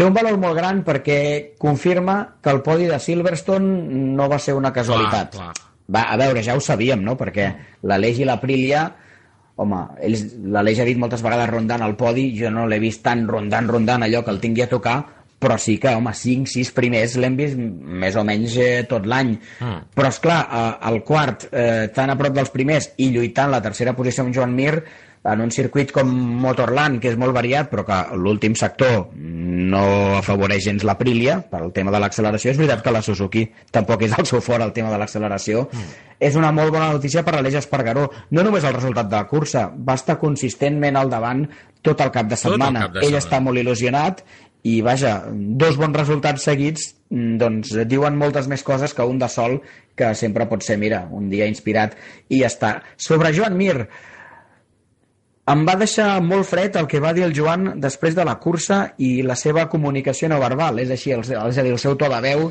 i, i la seva cara de decepció. Cinquè podi de l'any i el Joan estava, no diré empipat, a mi em semblava decebut i ho va explicar clarament per què. El podi està molt bé, però vull guanyar curses mm. i, i se'ns està escapant. I ell veu que ja, amb el que resta de la temporada, eh, Suzuki no, no farà grans invents a la moto i no, no oblidem que el Joan aquest any és el vigent campió del món. Mm. És a dir, en una situació normal, ostres, fer 5 podis amb una Suzuki eh, doncs, doncs està molt bé. Però el Joan ve de ser el campió del món, volia defensar Corona, no hi ha hagut manera, sobretot per, perquè Quartararo aquest any sí que ha estat regular, eh, no com l'any passat, però també el propi Joan s'esperava poder fer més aquest any. I jo tinc la impressió que ell a nivell de pilotatge i de cap està molt i molt bé, i això ja ho vam veure l'any passat, però que la Suzuki que és una moto molt compensada, li falta un què per poder lluitar victòries amb Ducati, amb Yamaha, mm, anava a dir amb Honda, aquí potser exagero, però en fi, eh, que falta alguna cosa. De fet, el Joan va explicar que aquest cap de setmana no havia ni fet servir el famós dispositiu de, de sortida i que es fa El també shot. fer servir en curses, de baixar a la moto perquè no li acabava d'anar bé i estem acabant la temporada. Si vols defensar Corona, mm, això no pot ser. Mira, la confirmació d'això que dius la trobem en el dotzè lloc de l'Àlex Rins. Recordem que l'any passat l'Àlex sortia desè en aquest gran premi, el seu gran premi, pels vincles personals i efectius que té amb aquesta pista. Uh, però és que de la desena posició va passar a la primera amb una contundència radical. I aquí uh, l'Àlex ha fet patir més que una altra cosa aquest cap de setmana. Um, ja que parlaves de l'Aprilia, de l'Aleix, Uh, L'estrena de Vinyales amb l'Aprilia, el que s'esperava, però fixa't una cosa. Vinyales ha fet amb l'Aprilia el mateix que va fer Crutchlow amb la Yamaha, amb la seva Mm. moto. Uh, uh, ostres, això potser vol dir alguna cosa, no? Mira, no ho sé, el, el Maverick Viñales el talent el té, però ja saps que jo sóc bastant escèptic, tot i que l'Eix Espargaró insisteix a, a dur-me la contrària, i ell en sap molt més que jo, eh, amb que aquesta moto eh, s'ha apropat al nivell de les, de les que guanyen, però encara no està al nivell eh, A mi per em sembla guanyar. un bunyol. Eh, eh, ho- Directament. Vull dir, clar, Jo no volia ser tan contundent, Bueno, però, però vaja, sí. Em sembla el tan bunyol l'Aprilia de circuits com l'Aprilia que venen a les botigues. Així de clau puc dir. Eh, salutacions des de Noale. No, és que és veritat, Quim. Eh, Quim, Merlos. agafa, agafa la, la gamma de productes. Ostres, tu que vas amb moto, eh, Mm. els dos som usuaris de moto habitualment i, i, i que provem tota mena de, de vehicles, Aprilia ha perdut el tren. Aprilia ha perdut el tren. Ha fet unes, unes motos de vitrina, però no precioses, però que no van. Molt maques, però Molt sí. maques, molt maques, però no Bé, van. en tot no cas, van. a MotoGP aquest any tan malament no estan anant, però és clar, eh, el binomi Vinyales-Aprilia mm, vaja, el Maverick ho reconeixia després de la cursa, li costarà, li costarà, té molta feina per fer per ser competitiu amb aquesta moto. Que no va estar tan malament? No, pots posar-li tots els apaivagants que vulguis, que no coneix la moto, que era la primera vegada, etc etc. però si una moto funciona, un pilot de talent eh, no fa el 18è. Està clar. Com a mínim et, et fa top 10. I, en fi, tenen una feinada per davant. Escolta, uh, per acabar el resum de MotoGP, eh, hauria d'editar Quartararo un final de temporada com el del 2020? Senzillament va ser que Motorland no li va bé? O és el principi de la repetició d'una pel·lícula que ja vam veure l'any passat? Home, més li val evitar un final com el del 2020 perquè encara se li podria escapar un campionat Eh, per, això sí, haurien d'estar molt inspirats Peco Banyaia i o Joan Mir eh, per pispar-li aquesta corona però seria un desastre estrepitós per ell i, i per Yamaha. La confirmació la tindrem aquest cap de setmana a Misano. Clar. Perquè una cosa és un mal cap de setmana que el pot tenir tothom i l'altra és dos seguits i a sobre en un circuit que hauràs de repetir i que això sí que podria disparar les alarmes a, a Yamaha. I, i que en teoria posició. li hauria d'anar bé la Yamaha, les característiques de Misano. En teoria. Sí, en, en teoria sí, en teoria és un circuit eh, molt més favorable que, que Motorland. Vuitena posició, home, tampoc és un autèntic desastre, però clar, venint del Quartararo que no baixava del podi, doncs ens va sorprendre. I parlant de Yamaha, la llarga agonia de Valentino Rossi, jo estic patint molt. Uh, Sí, anava l'últim al Motorland, barallant-se amb el seu germà, al final va acabar penúltim. Escolta, que vingui Misano, que li facin un magnífic homenatge com es mereix, i pff, que ho deixi estar perquè és que Sí, ho deixi estar. sap greu. Sap greu, a mi em sap greu veure-la així. Sap greu parlar de Valentino Rossi així, no? Ens encanta parlar de Valentino Rossi, però per explicar que no se'n surt i portem tota la temporada així, eh, francament sap greu. L'altre dia algú em preguntava és molt agosarat somiar que es pugui acomiadar de MotoGP amb un podi? Dic, mira, si creus en els miracles, que hi ha gent que hi té fe, Mm. endavant. Però ara mateix no hi ha cap argument per pensar això. Eh, és el que tu dius, eh, Josep Lluís, homenatges fantàstics eh, i ja està. I Ja oblidem-nos del que està fent aquest any amb la moto perquè és una llàstima. I tant que sí. Deixem ja Moto3, perdó, MotoGP, parlem de Moto3 i de Moto2. Moto3 continua com a líder Pedro Acosta, 46 punts de diferència sobre Sergio García. Jaume Macià és cinquè, Izan Guevara desè, Jeremy Alcoba 14è, Gabri Rodrigo 15è, Xavi Artigas 19è, Carlos Tatay 23è i Adrián Fernández Pitito el 24è. Pel que fa referència a Moto2, després de la cursa aragonesa, continua liderant Remy Garner, ara Raúl Fernández li ha retallat 5 punts i està a 39. Augusto Fernández de cinquè, un canet a la sisena posició, Jorge Navarro desè, Xavi Vierge a la onzena posició, l'Albert Arenas és 18è, Marcos Ramírez 21è, el sorprenent Fermín Aldeguer 23è, només té 16 anys, després parlarem de Fermín Aldeguer amb l'Anna Carrasco, i Héctor Garzo a la 25a i última posició de Moto2.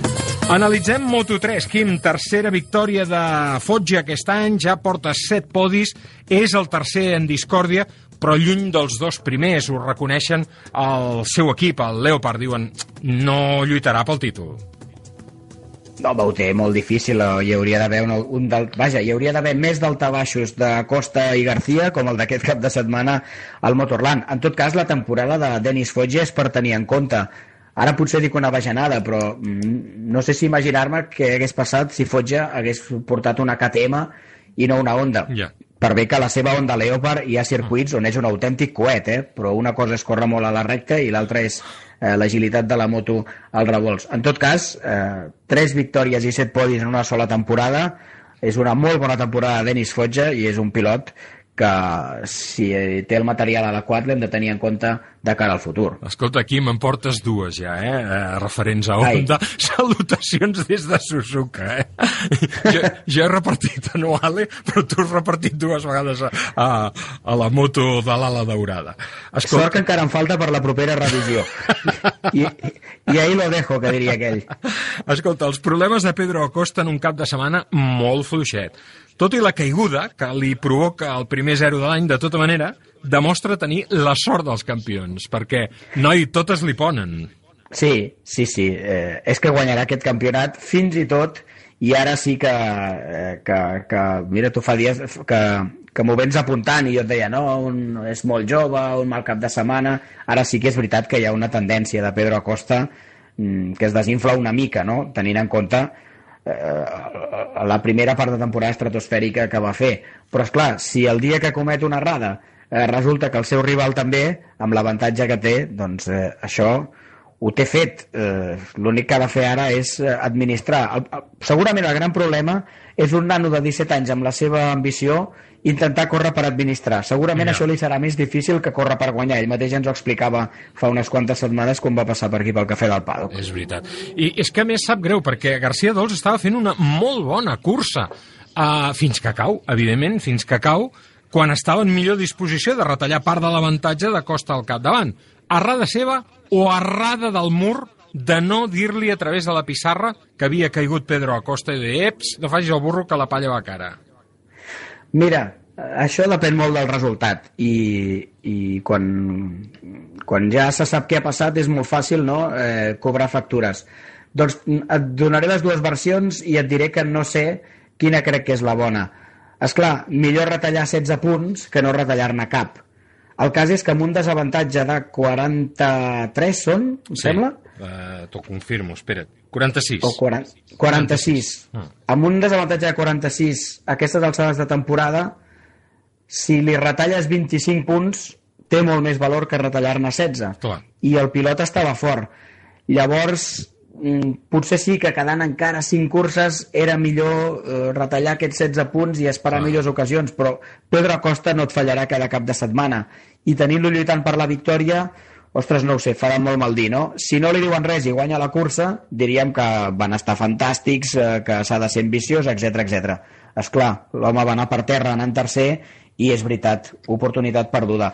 El que sí que crec que no van gestionar bé dins de l'equip és eh, el treball amb el company d'equip Ethan Guevara, l'Ethan perquè Ah, exacte. Guevara, que va fer un gran cap de setmana i una cursa sensacional, al baixar de la moto eh, es va queixar als micròfons de Dazón de l'agressivitat de Sergio García Dols al final de la cursa. Ethan Guevara és molt jovenet, té tota la gana del món i és normal que ell eh, corri pensant en el seu resultat. Algú l'havia d'haver assegut i explicar-li mira, García té, té opcions, encara que remotes, de guanyar el títol, amb ell no t'hi barallis. Clar.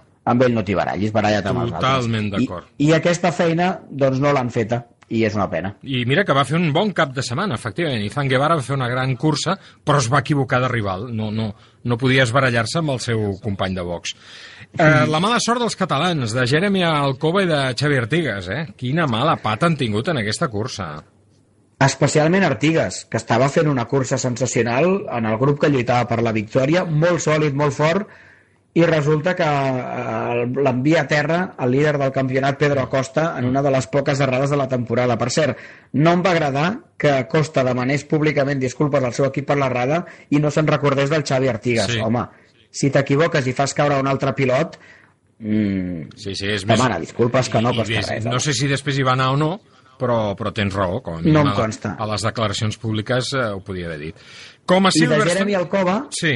de, sí, deixa'm dir Sí. que és un pilot que m'agrada molt, m'agrada molt el, el seu caràcter, la seva manera de- d'afrontar les curses i, i també les entrevistes, però últimament estic veient una tendència que m'està preocupant, que és que classifica bé, que és que comença les curses al capdavant i sempre acaba anant-se cap enrere. No sé si és una qüestió de ritme o, o d'errades per les ganes que té ell de, de guanyar, però una mica va ser eh, la mateixa pel·lícula aquesta vegada i al final va caure, però lluitant em sembla que en Felon, no sé si per un o Ah, dos tres exacte, punts. ah, exacte. El Cova té potencial per estar al davant, ha de, ha de treballar en la gestió de cursa. Mira, això també li passa al Gabriel Rodrigo, que estava fent un bon començament de cursa i per enèsima vegada va anar al terra. Espero que a Moto2, ara que sabem que la temporada vinent canvia de categoria, li vagi millor. Escolta, com a Silverstone, al Motorland no hi va haver cap espanyol al podi, i això que feia molts anys que sempre al Canyís hi havia algun espanyol, com a mínim a Moto3, si no, podis monopolitzats pels pilots de la Federació Espanyola. No sé si això vol dir un canvi de tendència, eh? Jo diria que és força casualitat, perquè va caure Costa, va caure García, Costa va fer caure Artigas quan també estava al davant, però vaja, ja ho hem comentat algun cop, pel campionat és bo. Pel campionat és bo que, que aparegui un pilot turc, Denis Onju, que l'any passat eh, doncs no demostrava gaire res i aquest any està habitualment al davant. Uh -huh. eh, que guanyi un italià no és notícia, perquè això sí que sol passar, sí. i va fer Denis Foggia, que Yumo Sasaki eh, pugi al podi la mateixa temporada on li va tocar viure involuntàriament el drama de, de l'atropellament de Di Pasquier, pobre. doncs home, eh, no, no vull remoure aquell drama, però, però pel pilot també és important, no? Eh, doncs eh, veure que encara que és capaç de, de lluitar pels podis i d'estar i d'estar al davant. Ja ho veurem si és tendència o no, jo penso que no, però en tot cas eh, adorna encantats que hi hagi pilots no espanyols al No, podi. no, és que clar, és que el podi semblava un acudit, no? Va un italiano, un turco i un japonès. Vull dir, semblava, re- realment era una cosa curiosa, no?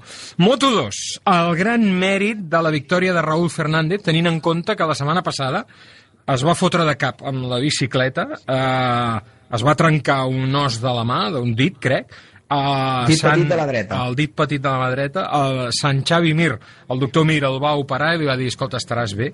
Teníem molts dubtes de com abordaria la cursa. Caram, la va abordar amb una contundència que poder que se'n trenqui un cada setmana, eh? Perquè, ostres, que bé que ho va fer el nano. Sí, sí, una, una autèntica exhibició amb una autoritat, mm. a més, que, mm, vaja, no sé, semblava que portés una moto d'una altra categoria. Realment, sí. ni rastre a la pista de la lesió de Fernández i un pilotatge magnífic.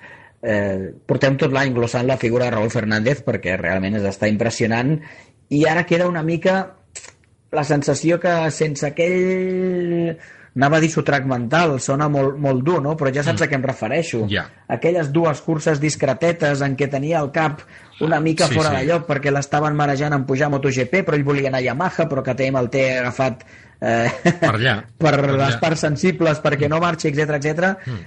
Eh, doncs és, vaja, seria ferm candidat al títol. Una altra cosa, i, i segur que ara n'anàvem a parlar, és la gestió que està fent el seu company d'equip i líder, Remy Garner, que és que sembla un veterà, tu. Exacte, és que un hi, veterà. hi ha gent que diu ha perdut 5 punts. Jo crec que, evidentment, matemàticament No. sí, però el que ha fet és pilotar amb mentalitat de campió, sense nervis. Jo crec que Remy va fer el que havia de fer, perquè Raúl Fernández era l'equivalent a Banyaia a MotoGP. Hi ha, hi ha coses que no poden ser perquè són impossibles. I, i de la mateixa manera que el Banyaia era molt difícil d'aturar-lo, amb Moto2 passava el mateix amb el Raúl Fernández. Sí, sí, absolutament imparable, i això els pilots ho saben, i Garner ho va tenir claríssim un cap de setmana més, eh, que aquest, cap- aquest dia eh, Fernández eh, doncs, eh, no, no, podria, no podria lluitar amb ell, i llavors com pots perdre un campionat si tens avantatge? Ficant-te en batalles de la qual és molt difícil que en treguis rèdit. Doncs no t'hi fiquis, i a sobre Garner, que també totes li ponen, va i li cau amb l'ous, que anava segon, Clar. i encara doncs, minimitza més la pèrdua de punts, és, és que és l'any de Garner, està clar. Clar, clar. Um, gran nivell dels espanyols en general, eh? perquè, per exemple, dissabte, nou pilots espanyols van accedir a la Q2.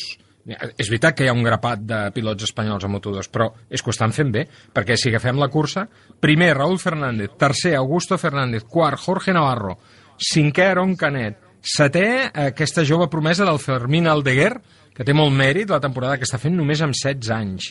Uh, 12è Marcos Ramírez.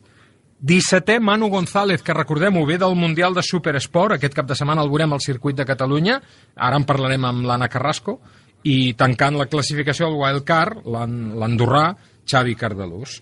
Eh, bueno, escolta, gran nivell dels espanyols. En canvi, els catalans, malament aquesta vegada també. Eh, Albert Arenas, que havia fet uns grans entrenaments, va, va haver de plegar, i Xavi Vierge també va, anar, va caure en aquest cas. No va ser un bon Doncs sí, cap de setmana per ells. Mm, Jo crec que per l'Albert el balanç és positiu, perquè després d'un any de debut a Moto2 molt difícil, va fer uns entrenaments tan sòlids com per classificar-se sisè, ell sortia a la cursa bàsicament a aprendre i va acabar anant per terra, com tants altres pilots, 11 caigudes a la cursa de Moto2, eh, Déu-n'hi-do. Ah, L'asfalt Mm, era jo un que- infern, era xicleta. Sí, allò. sí, sí. Jo crec que l'Albert eh, el moment d'exhibir re- resultats a Moto2 vindrà més endavant, però en tot cas aquest cap de setmana ha fet un pas important. Del Xavi em sap greu, perquè hi havia una opció que ell pilotés la, la segona Yamaha Petronas de MotoGP aquest següent cap de setmana i entre aquest següent no, aquest darrer cap de setmana al Motorland i eh, ell, el seu mànager Dani De Baibe eh, van considerar, jo crec que encertadament que fer una cursa sense cap experiència, sense cap test amb una MotoGP, per molta il·lusió que faci, era un Carmel enverinat i que més valia continuar treballant a Moto2 per buscar repetir el podi de Catalunya. La MotoGP la va pilotar Jake Dixon, que francament a nivell de resultats doncs, tampoc eh, ja va córrer Silverstone i, i aquí al Motorland doncs, tampoc ha pogut acreditar res, perquè sense fer testos és molt complicat, però el Xavi no va tenir cap de setmana que esperava eh, doncs per aparèixer al davant a Moto2. El que deies dels espanyols, sobretot, és molt important la recuperació que està demostrant ja des de fa unes quantes setmanes Augusto Fernández, que estava una mica desaparegut, Uh -huh. Jorge Navarro també una mica en situació similar, un pilot que, que fa dos anys estava al davant i que aquest any li ha costat moltíssim i ara torna a estar per allà, i l'aparició de Fermín Aldeguer és per tenir en compte, perquè més aquest nano Sí, sí. em sembla a mi que quan es posa el casc algú li ha de dir a quina moto s'ha d'enfilar, Sí, perquè perquè, corre- fa la Moto E, Sí. fa el FinCEP, ara la Moto 2, i ell és igual, s'enfila i dona gas i ho fa molt i molt bé. I tant, i tant que sí. Quim, gràcies per acompanyar-nos. Escolta, no marxis, perquè seguim parlant de motos ara amb tota una campiona del món com és l'Anna Carrasco i la setmana vinent eh, obrirem el programa amb MotoGP, evidentment, per aquesta cursa que ens espera aquest cap de setmana a Misano. D'acord? Un plaer, com sempre, i tindrem un cap de setmana estràbic, amb un ull a les Superbikes i l'altre a MotoGP. Farà Sí. mal als ulls, però ens ho passarem pipa. Això segur. Gràcies, Quim, una abraçada. Una abraçada. Cafè del Paddock, amb Josep Lluís Merlos. RAC Més 1 Et vols vendre el cotxe? Busca, compara i, si algú te'n paga més, vine a Ocasión Plus. Millorem qualsevol taxació al millor preu garantit. Pagament al cap de 30 minuts. Ocasión Plus. Dues botigues a Terrassa, un altre a Mataró i també a ocasionplus.com. Obrim els dissabtes matí i tarda. Has pensat mai com sona la tranquil·litat? La tranquil·litat de saber que tindràs el teu Ford Puma híbrid amb etiqueta Eco aquest mateix mes, sense esperes, entrega immediata. El sub de moda t'està esperant a la xarxa Ford de Catalunya. Emporta-te'l ja. Però afanya, només en queden 50 unitats. Descobreix la gamma més electrificada del mercat. La nova mobilitat és cosa de Ford. Em vull vendre el cotxe, vendre el cotxe. A vender mi cotxe et comprem el cotxe. Però com? On i quan? No tinc temps. Fàcil i molt de pressa. No cal ni demanar cita. Vine amb el teu cotxe, accepta la millor oferta i abans de 30 minuts tu i els teus diners estareu de tornada a casa. Vinga, venta el cotxe a vender mi cotxe. Som a Barcelona, al carrer Rocafort 78, Cornellà de Llobregat i a Sabadell. RAC més 1 us està oferint Cafè del Paddock. Tota l'actualitat del món del motor amb Josep Lluís Merlos.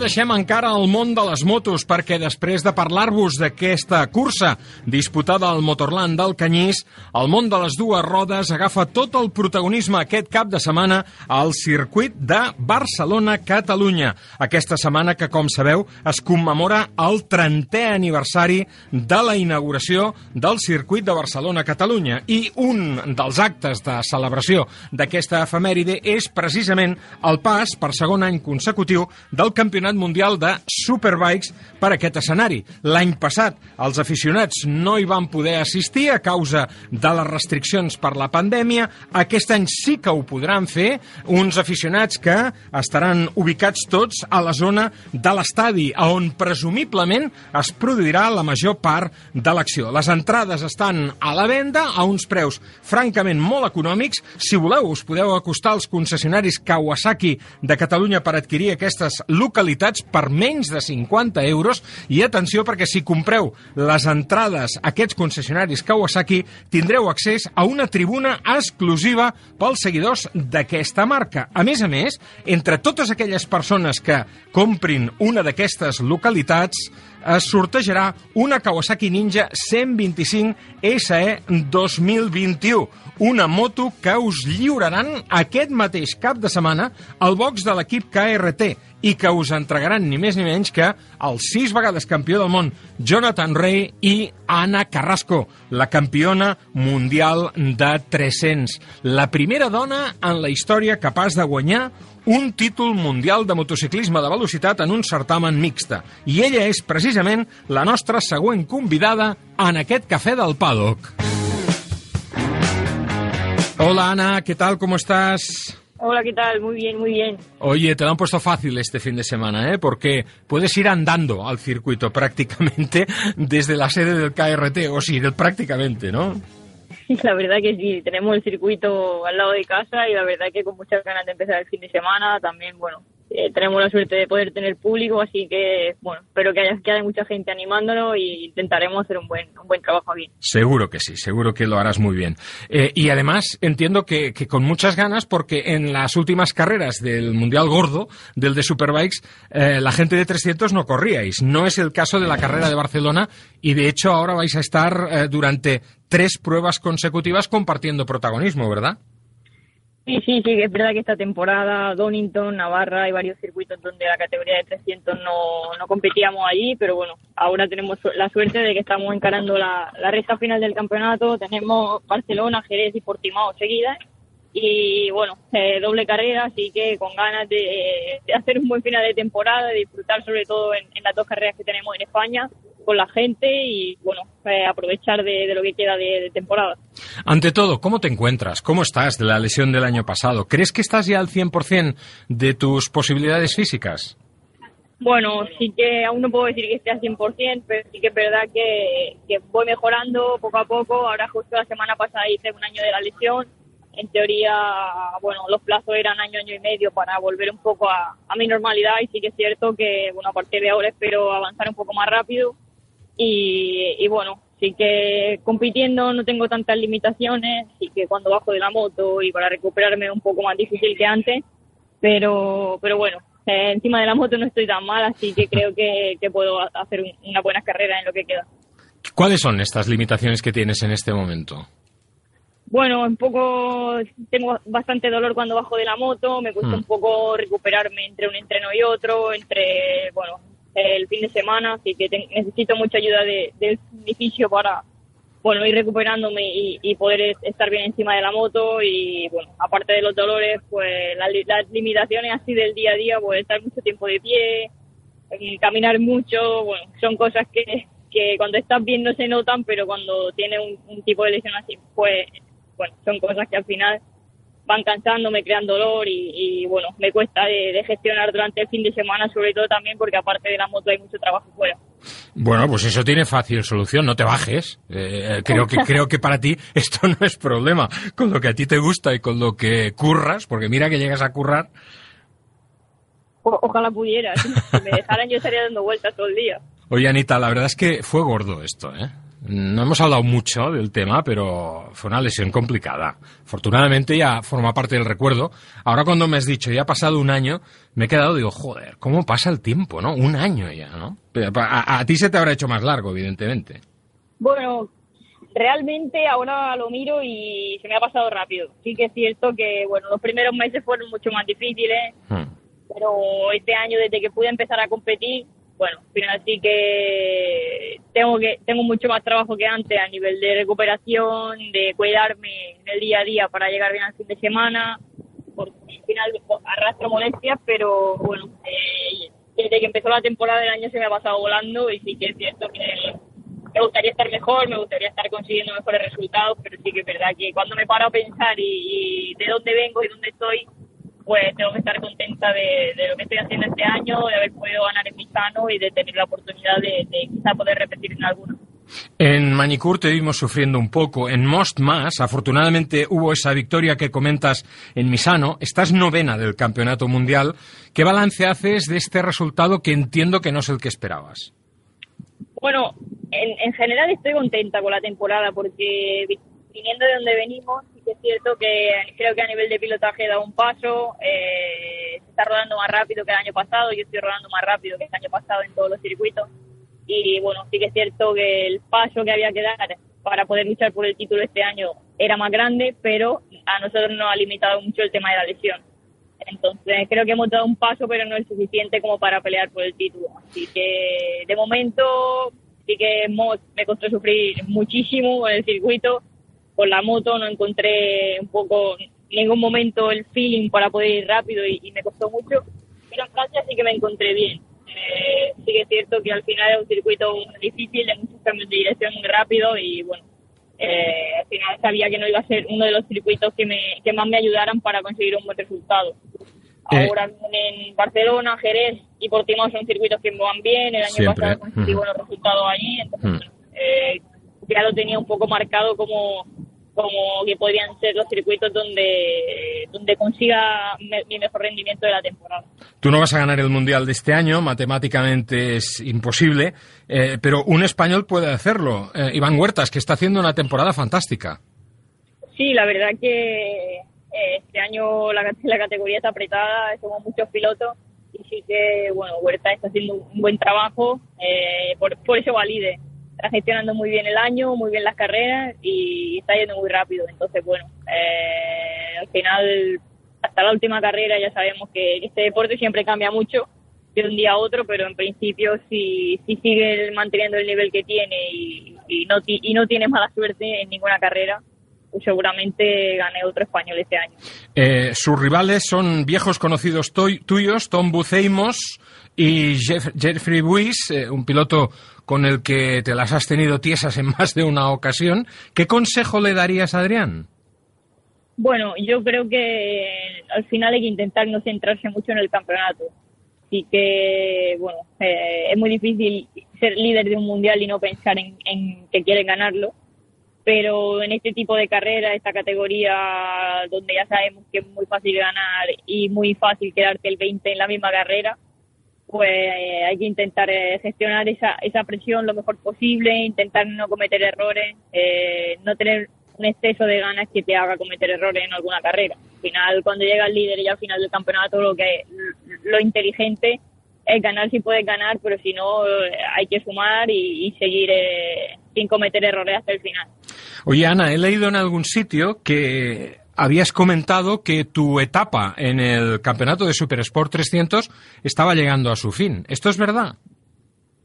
Bueno, a ver, verdad, verdad y mentira, dos cosas, porque sí que es cierto que, bueno, ya llevo un par de años pensando en, en cambiar de categoría, porque, bueno, creo que, me he, que he quemado bastante bien la etapa de, de 300, la última temporada, bueno, que gané el título, la siguiente acabé tercera en el Mundial, el año pasado estaba peleando por el título antes de la lesión, entonces, bueno, es una categoría en la que creo que he crecido mucho como piloto, pero que, que he conseguido bueno, sacarle el máximo rendimiento a la categoría, por así decirlo.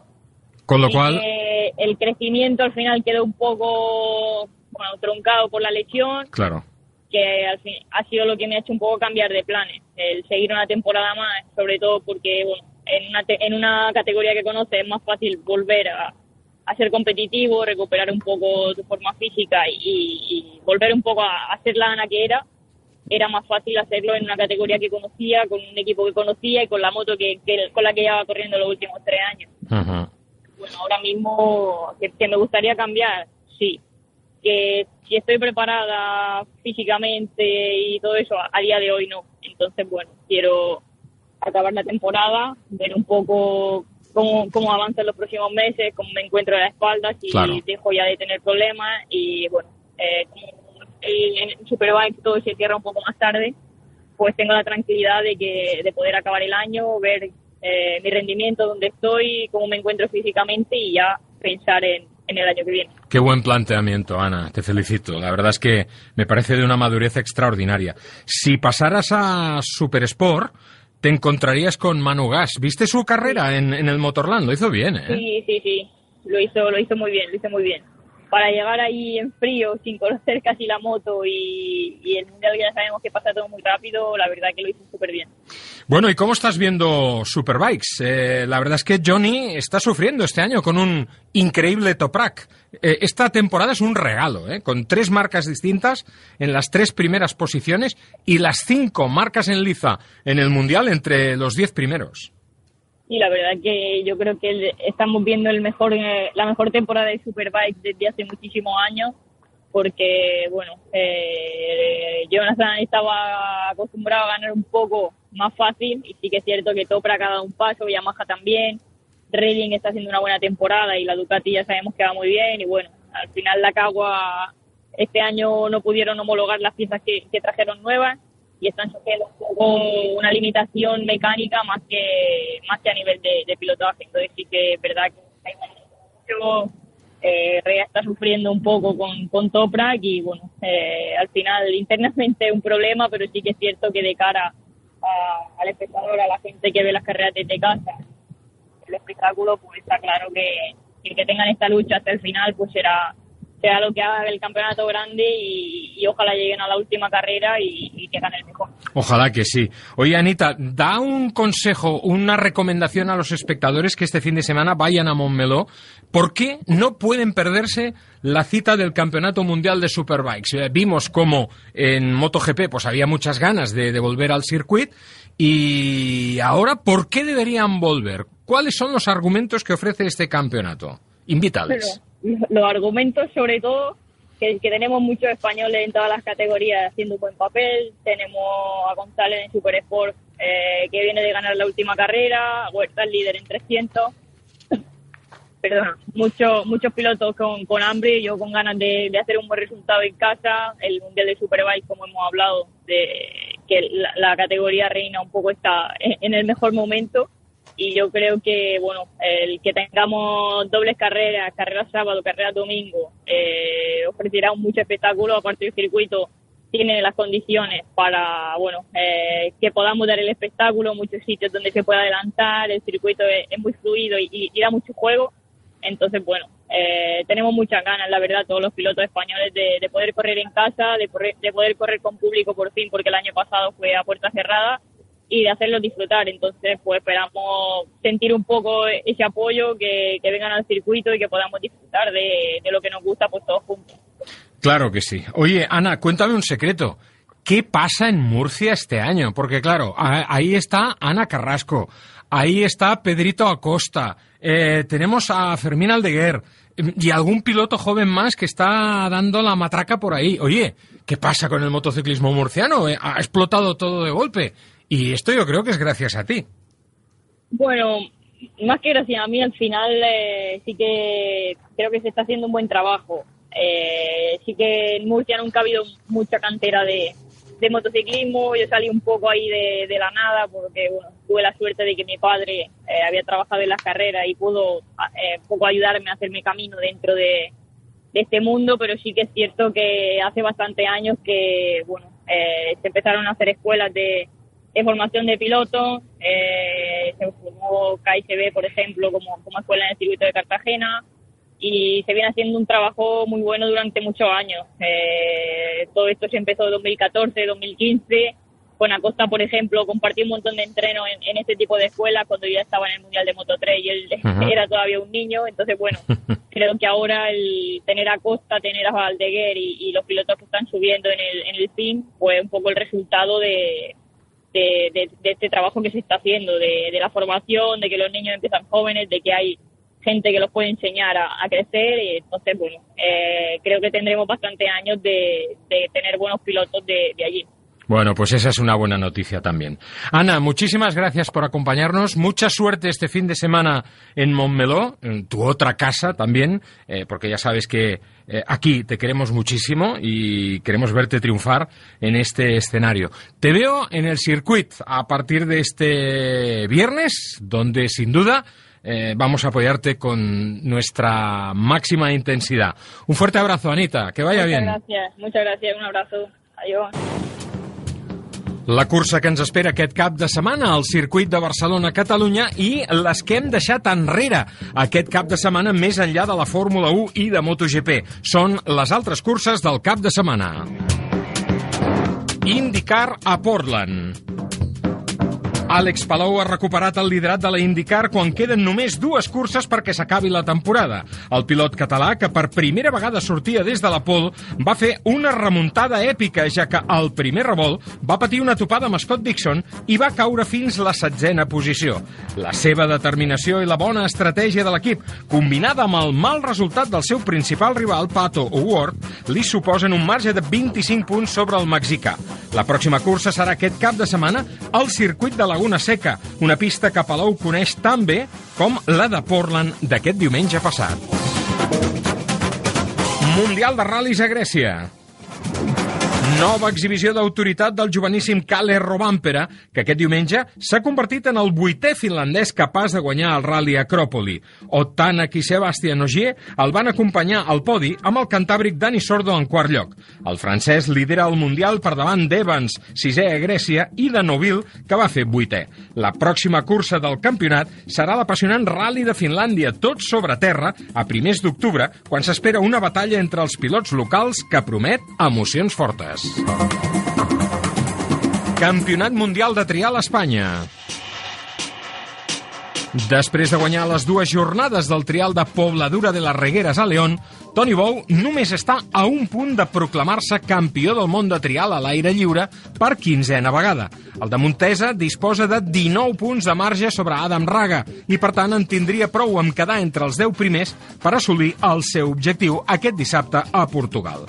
Aquest país acollirà també l'última cursa del Mundial femení, Laia Sanz s'ho juga tot a una sola carta, ja que ara és segona del certamen darrere la britànica Emma Bristow, a només un punt. Qui quedi, per tant, per davant serà la campiona del 2021. I diumenge, en aquest mateix escenari, es farà el Trial de les Nacions. Cafè del Pado, amb Josep Lluís Merlos. RAC Més? 1. Em vull vendre el cotxe, vendre el cotxe. A vender mi cotxe et comprem el cotxe. Però com? On i quan? No tinc temps. Fàcil i molt de pressa. No cal ni demanar cita. Vine amb el teu cotxe, accepta la millor oferta i abans de 30 minuts tu i els teus diners estareu de tornada a casa. Vinga, venta el cotxe a vender mi cotxe. Som a Barcelona, al carrer Rocafort 78, Cornellà de Llobregat i a Sabadell. Has pensat mai com sona la tranquil·litat? La tranquil·litat de saber que tindràs el teu Ford Puma híbrid amb etiqueta Eco aquest mateix mes, sense esperes, entrega immediata. El sub de moda t'està esperant a la xarxa Ford de Catalunya. Emporta-te'l ja. Però afanya, només en queden 50 unitats. Descobreix la gamma més electrificada del mercat. La nova mobilitat és cosa de Ford. Et vols vendre el cotxe? Busca, compara i, si algú te'n paga més, vine a Ocasión Plus. Millorem qualsevol taxació al millor preu garantit, pagament al cap de 30 minuts. Ocasión Plus, dues botigues a Terrassa, un altre Mataró i també a ocasionplus.com. Obrim els dissabtes matí i tarda. RAC més us està oferint Cafè del Pado.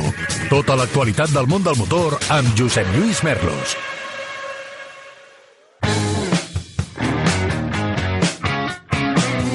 I a la recta final del podcast d'avui deixem ja el món de la competició per parlar-vos, per fer-vos una proposta que creiem que us pot interessar.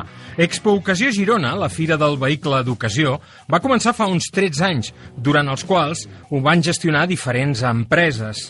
Fins que se'n va fer càrrec la companyia JS Edicions l'any 2018, ja que tenia l'experiència d'organitzar Fira BO, la Fira del Vehicle d'Ocasió de Figueres, que aquest any arriba a la quinzena edició els dies 1, 2 i 3 d'octubre.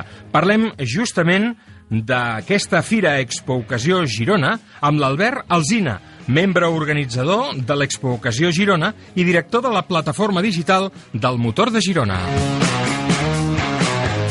Hola, què tal, Albert? Com estàs? Hola, què tal? Bon dia.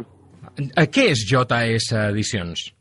Bé, uh, Jazz Edicions és una empresa que es dedica a organitzar diversos esdeveniments i també ens dediquem al món del motor aquí a les comarques de Girona. Uh, tenim una pàgina web, que és el motordegirona.cat, i, i també fem vídeos uh, a través de YouTube uh, per diverses uh, concessionaris d'aquí de Girona.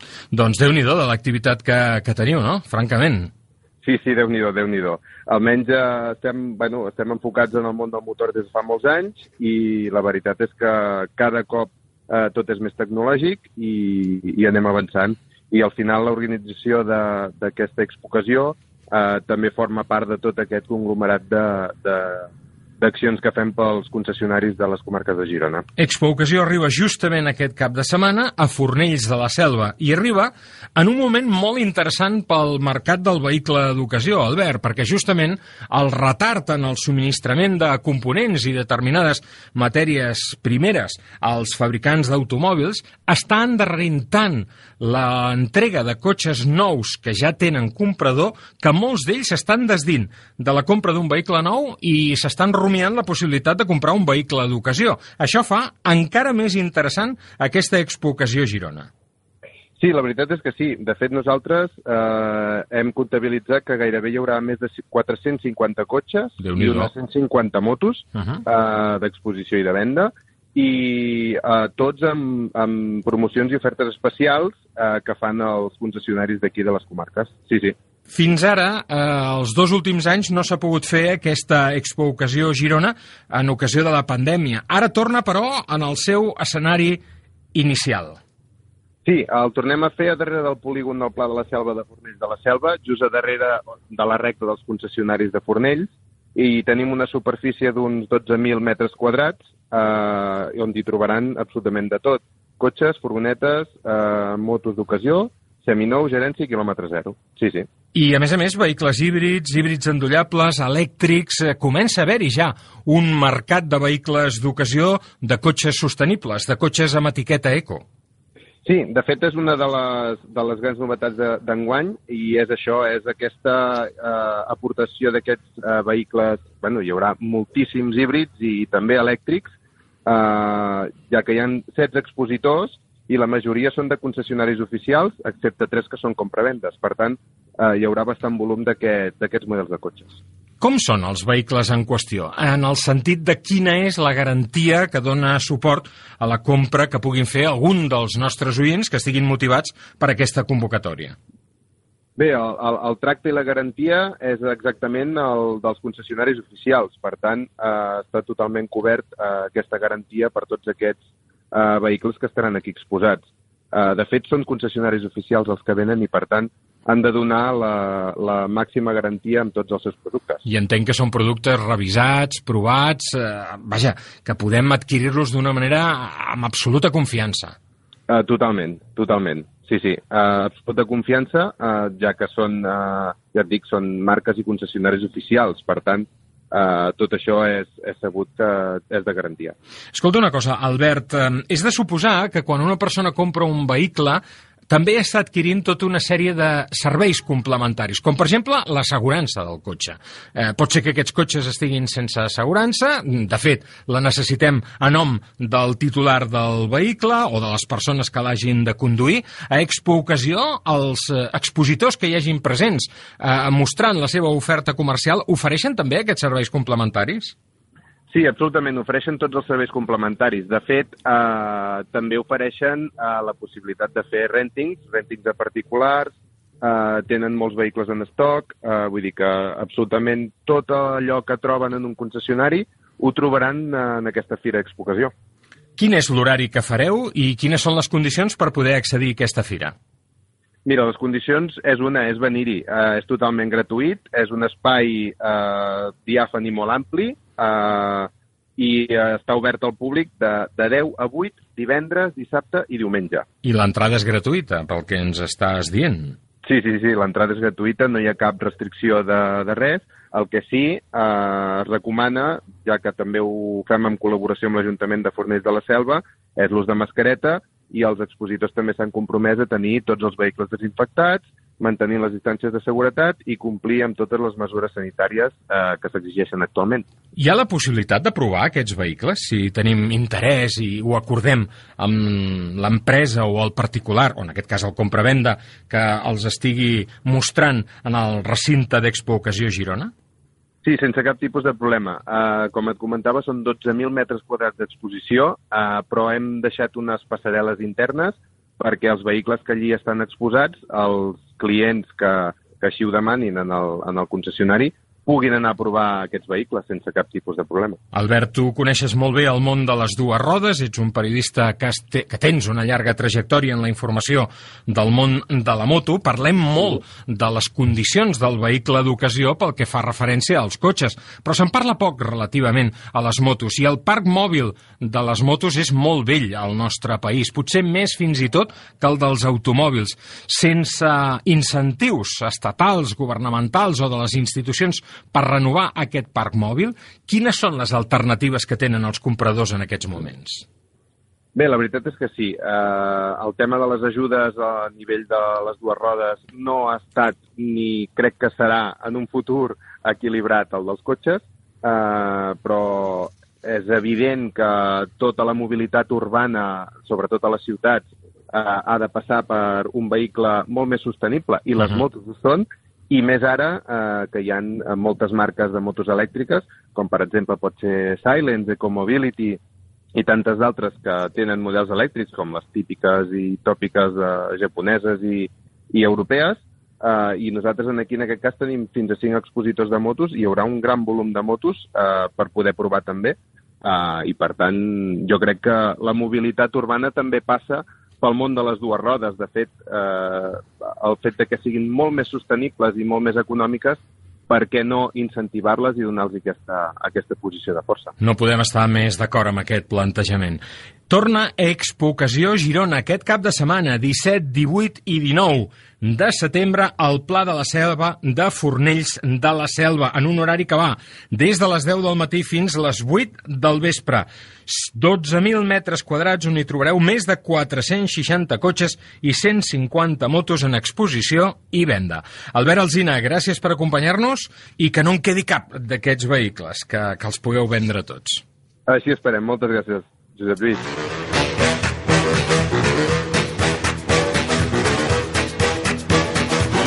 Aquest consell i amb aquesta recomanació posem punt final al podcast d'aquesta setmana. Tornem la pròxima, si així ho desitgeu, a on MotoGP tindrà protagonisme especial després de la cursa que ens espera aquest cap de setmana al circuit de Misano en ocasió del Gran Premi de San Marino. Fins la setmana entrant, gràcies per acompanyar-nos. Adéu-siau!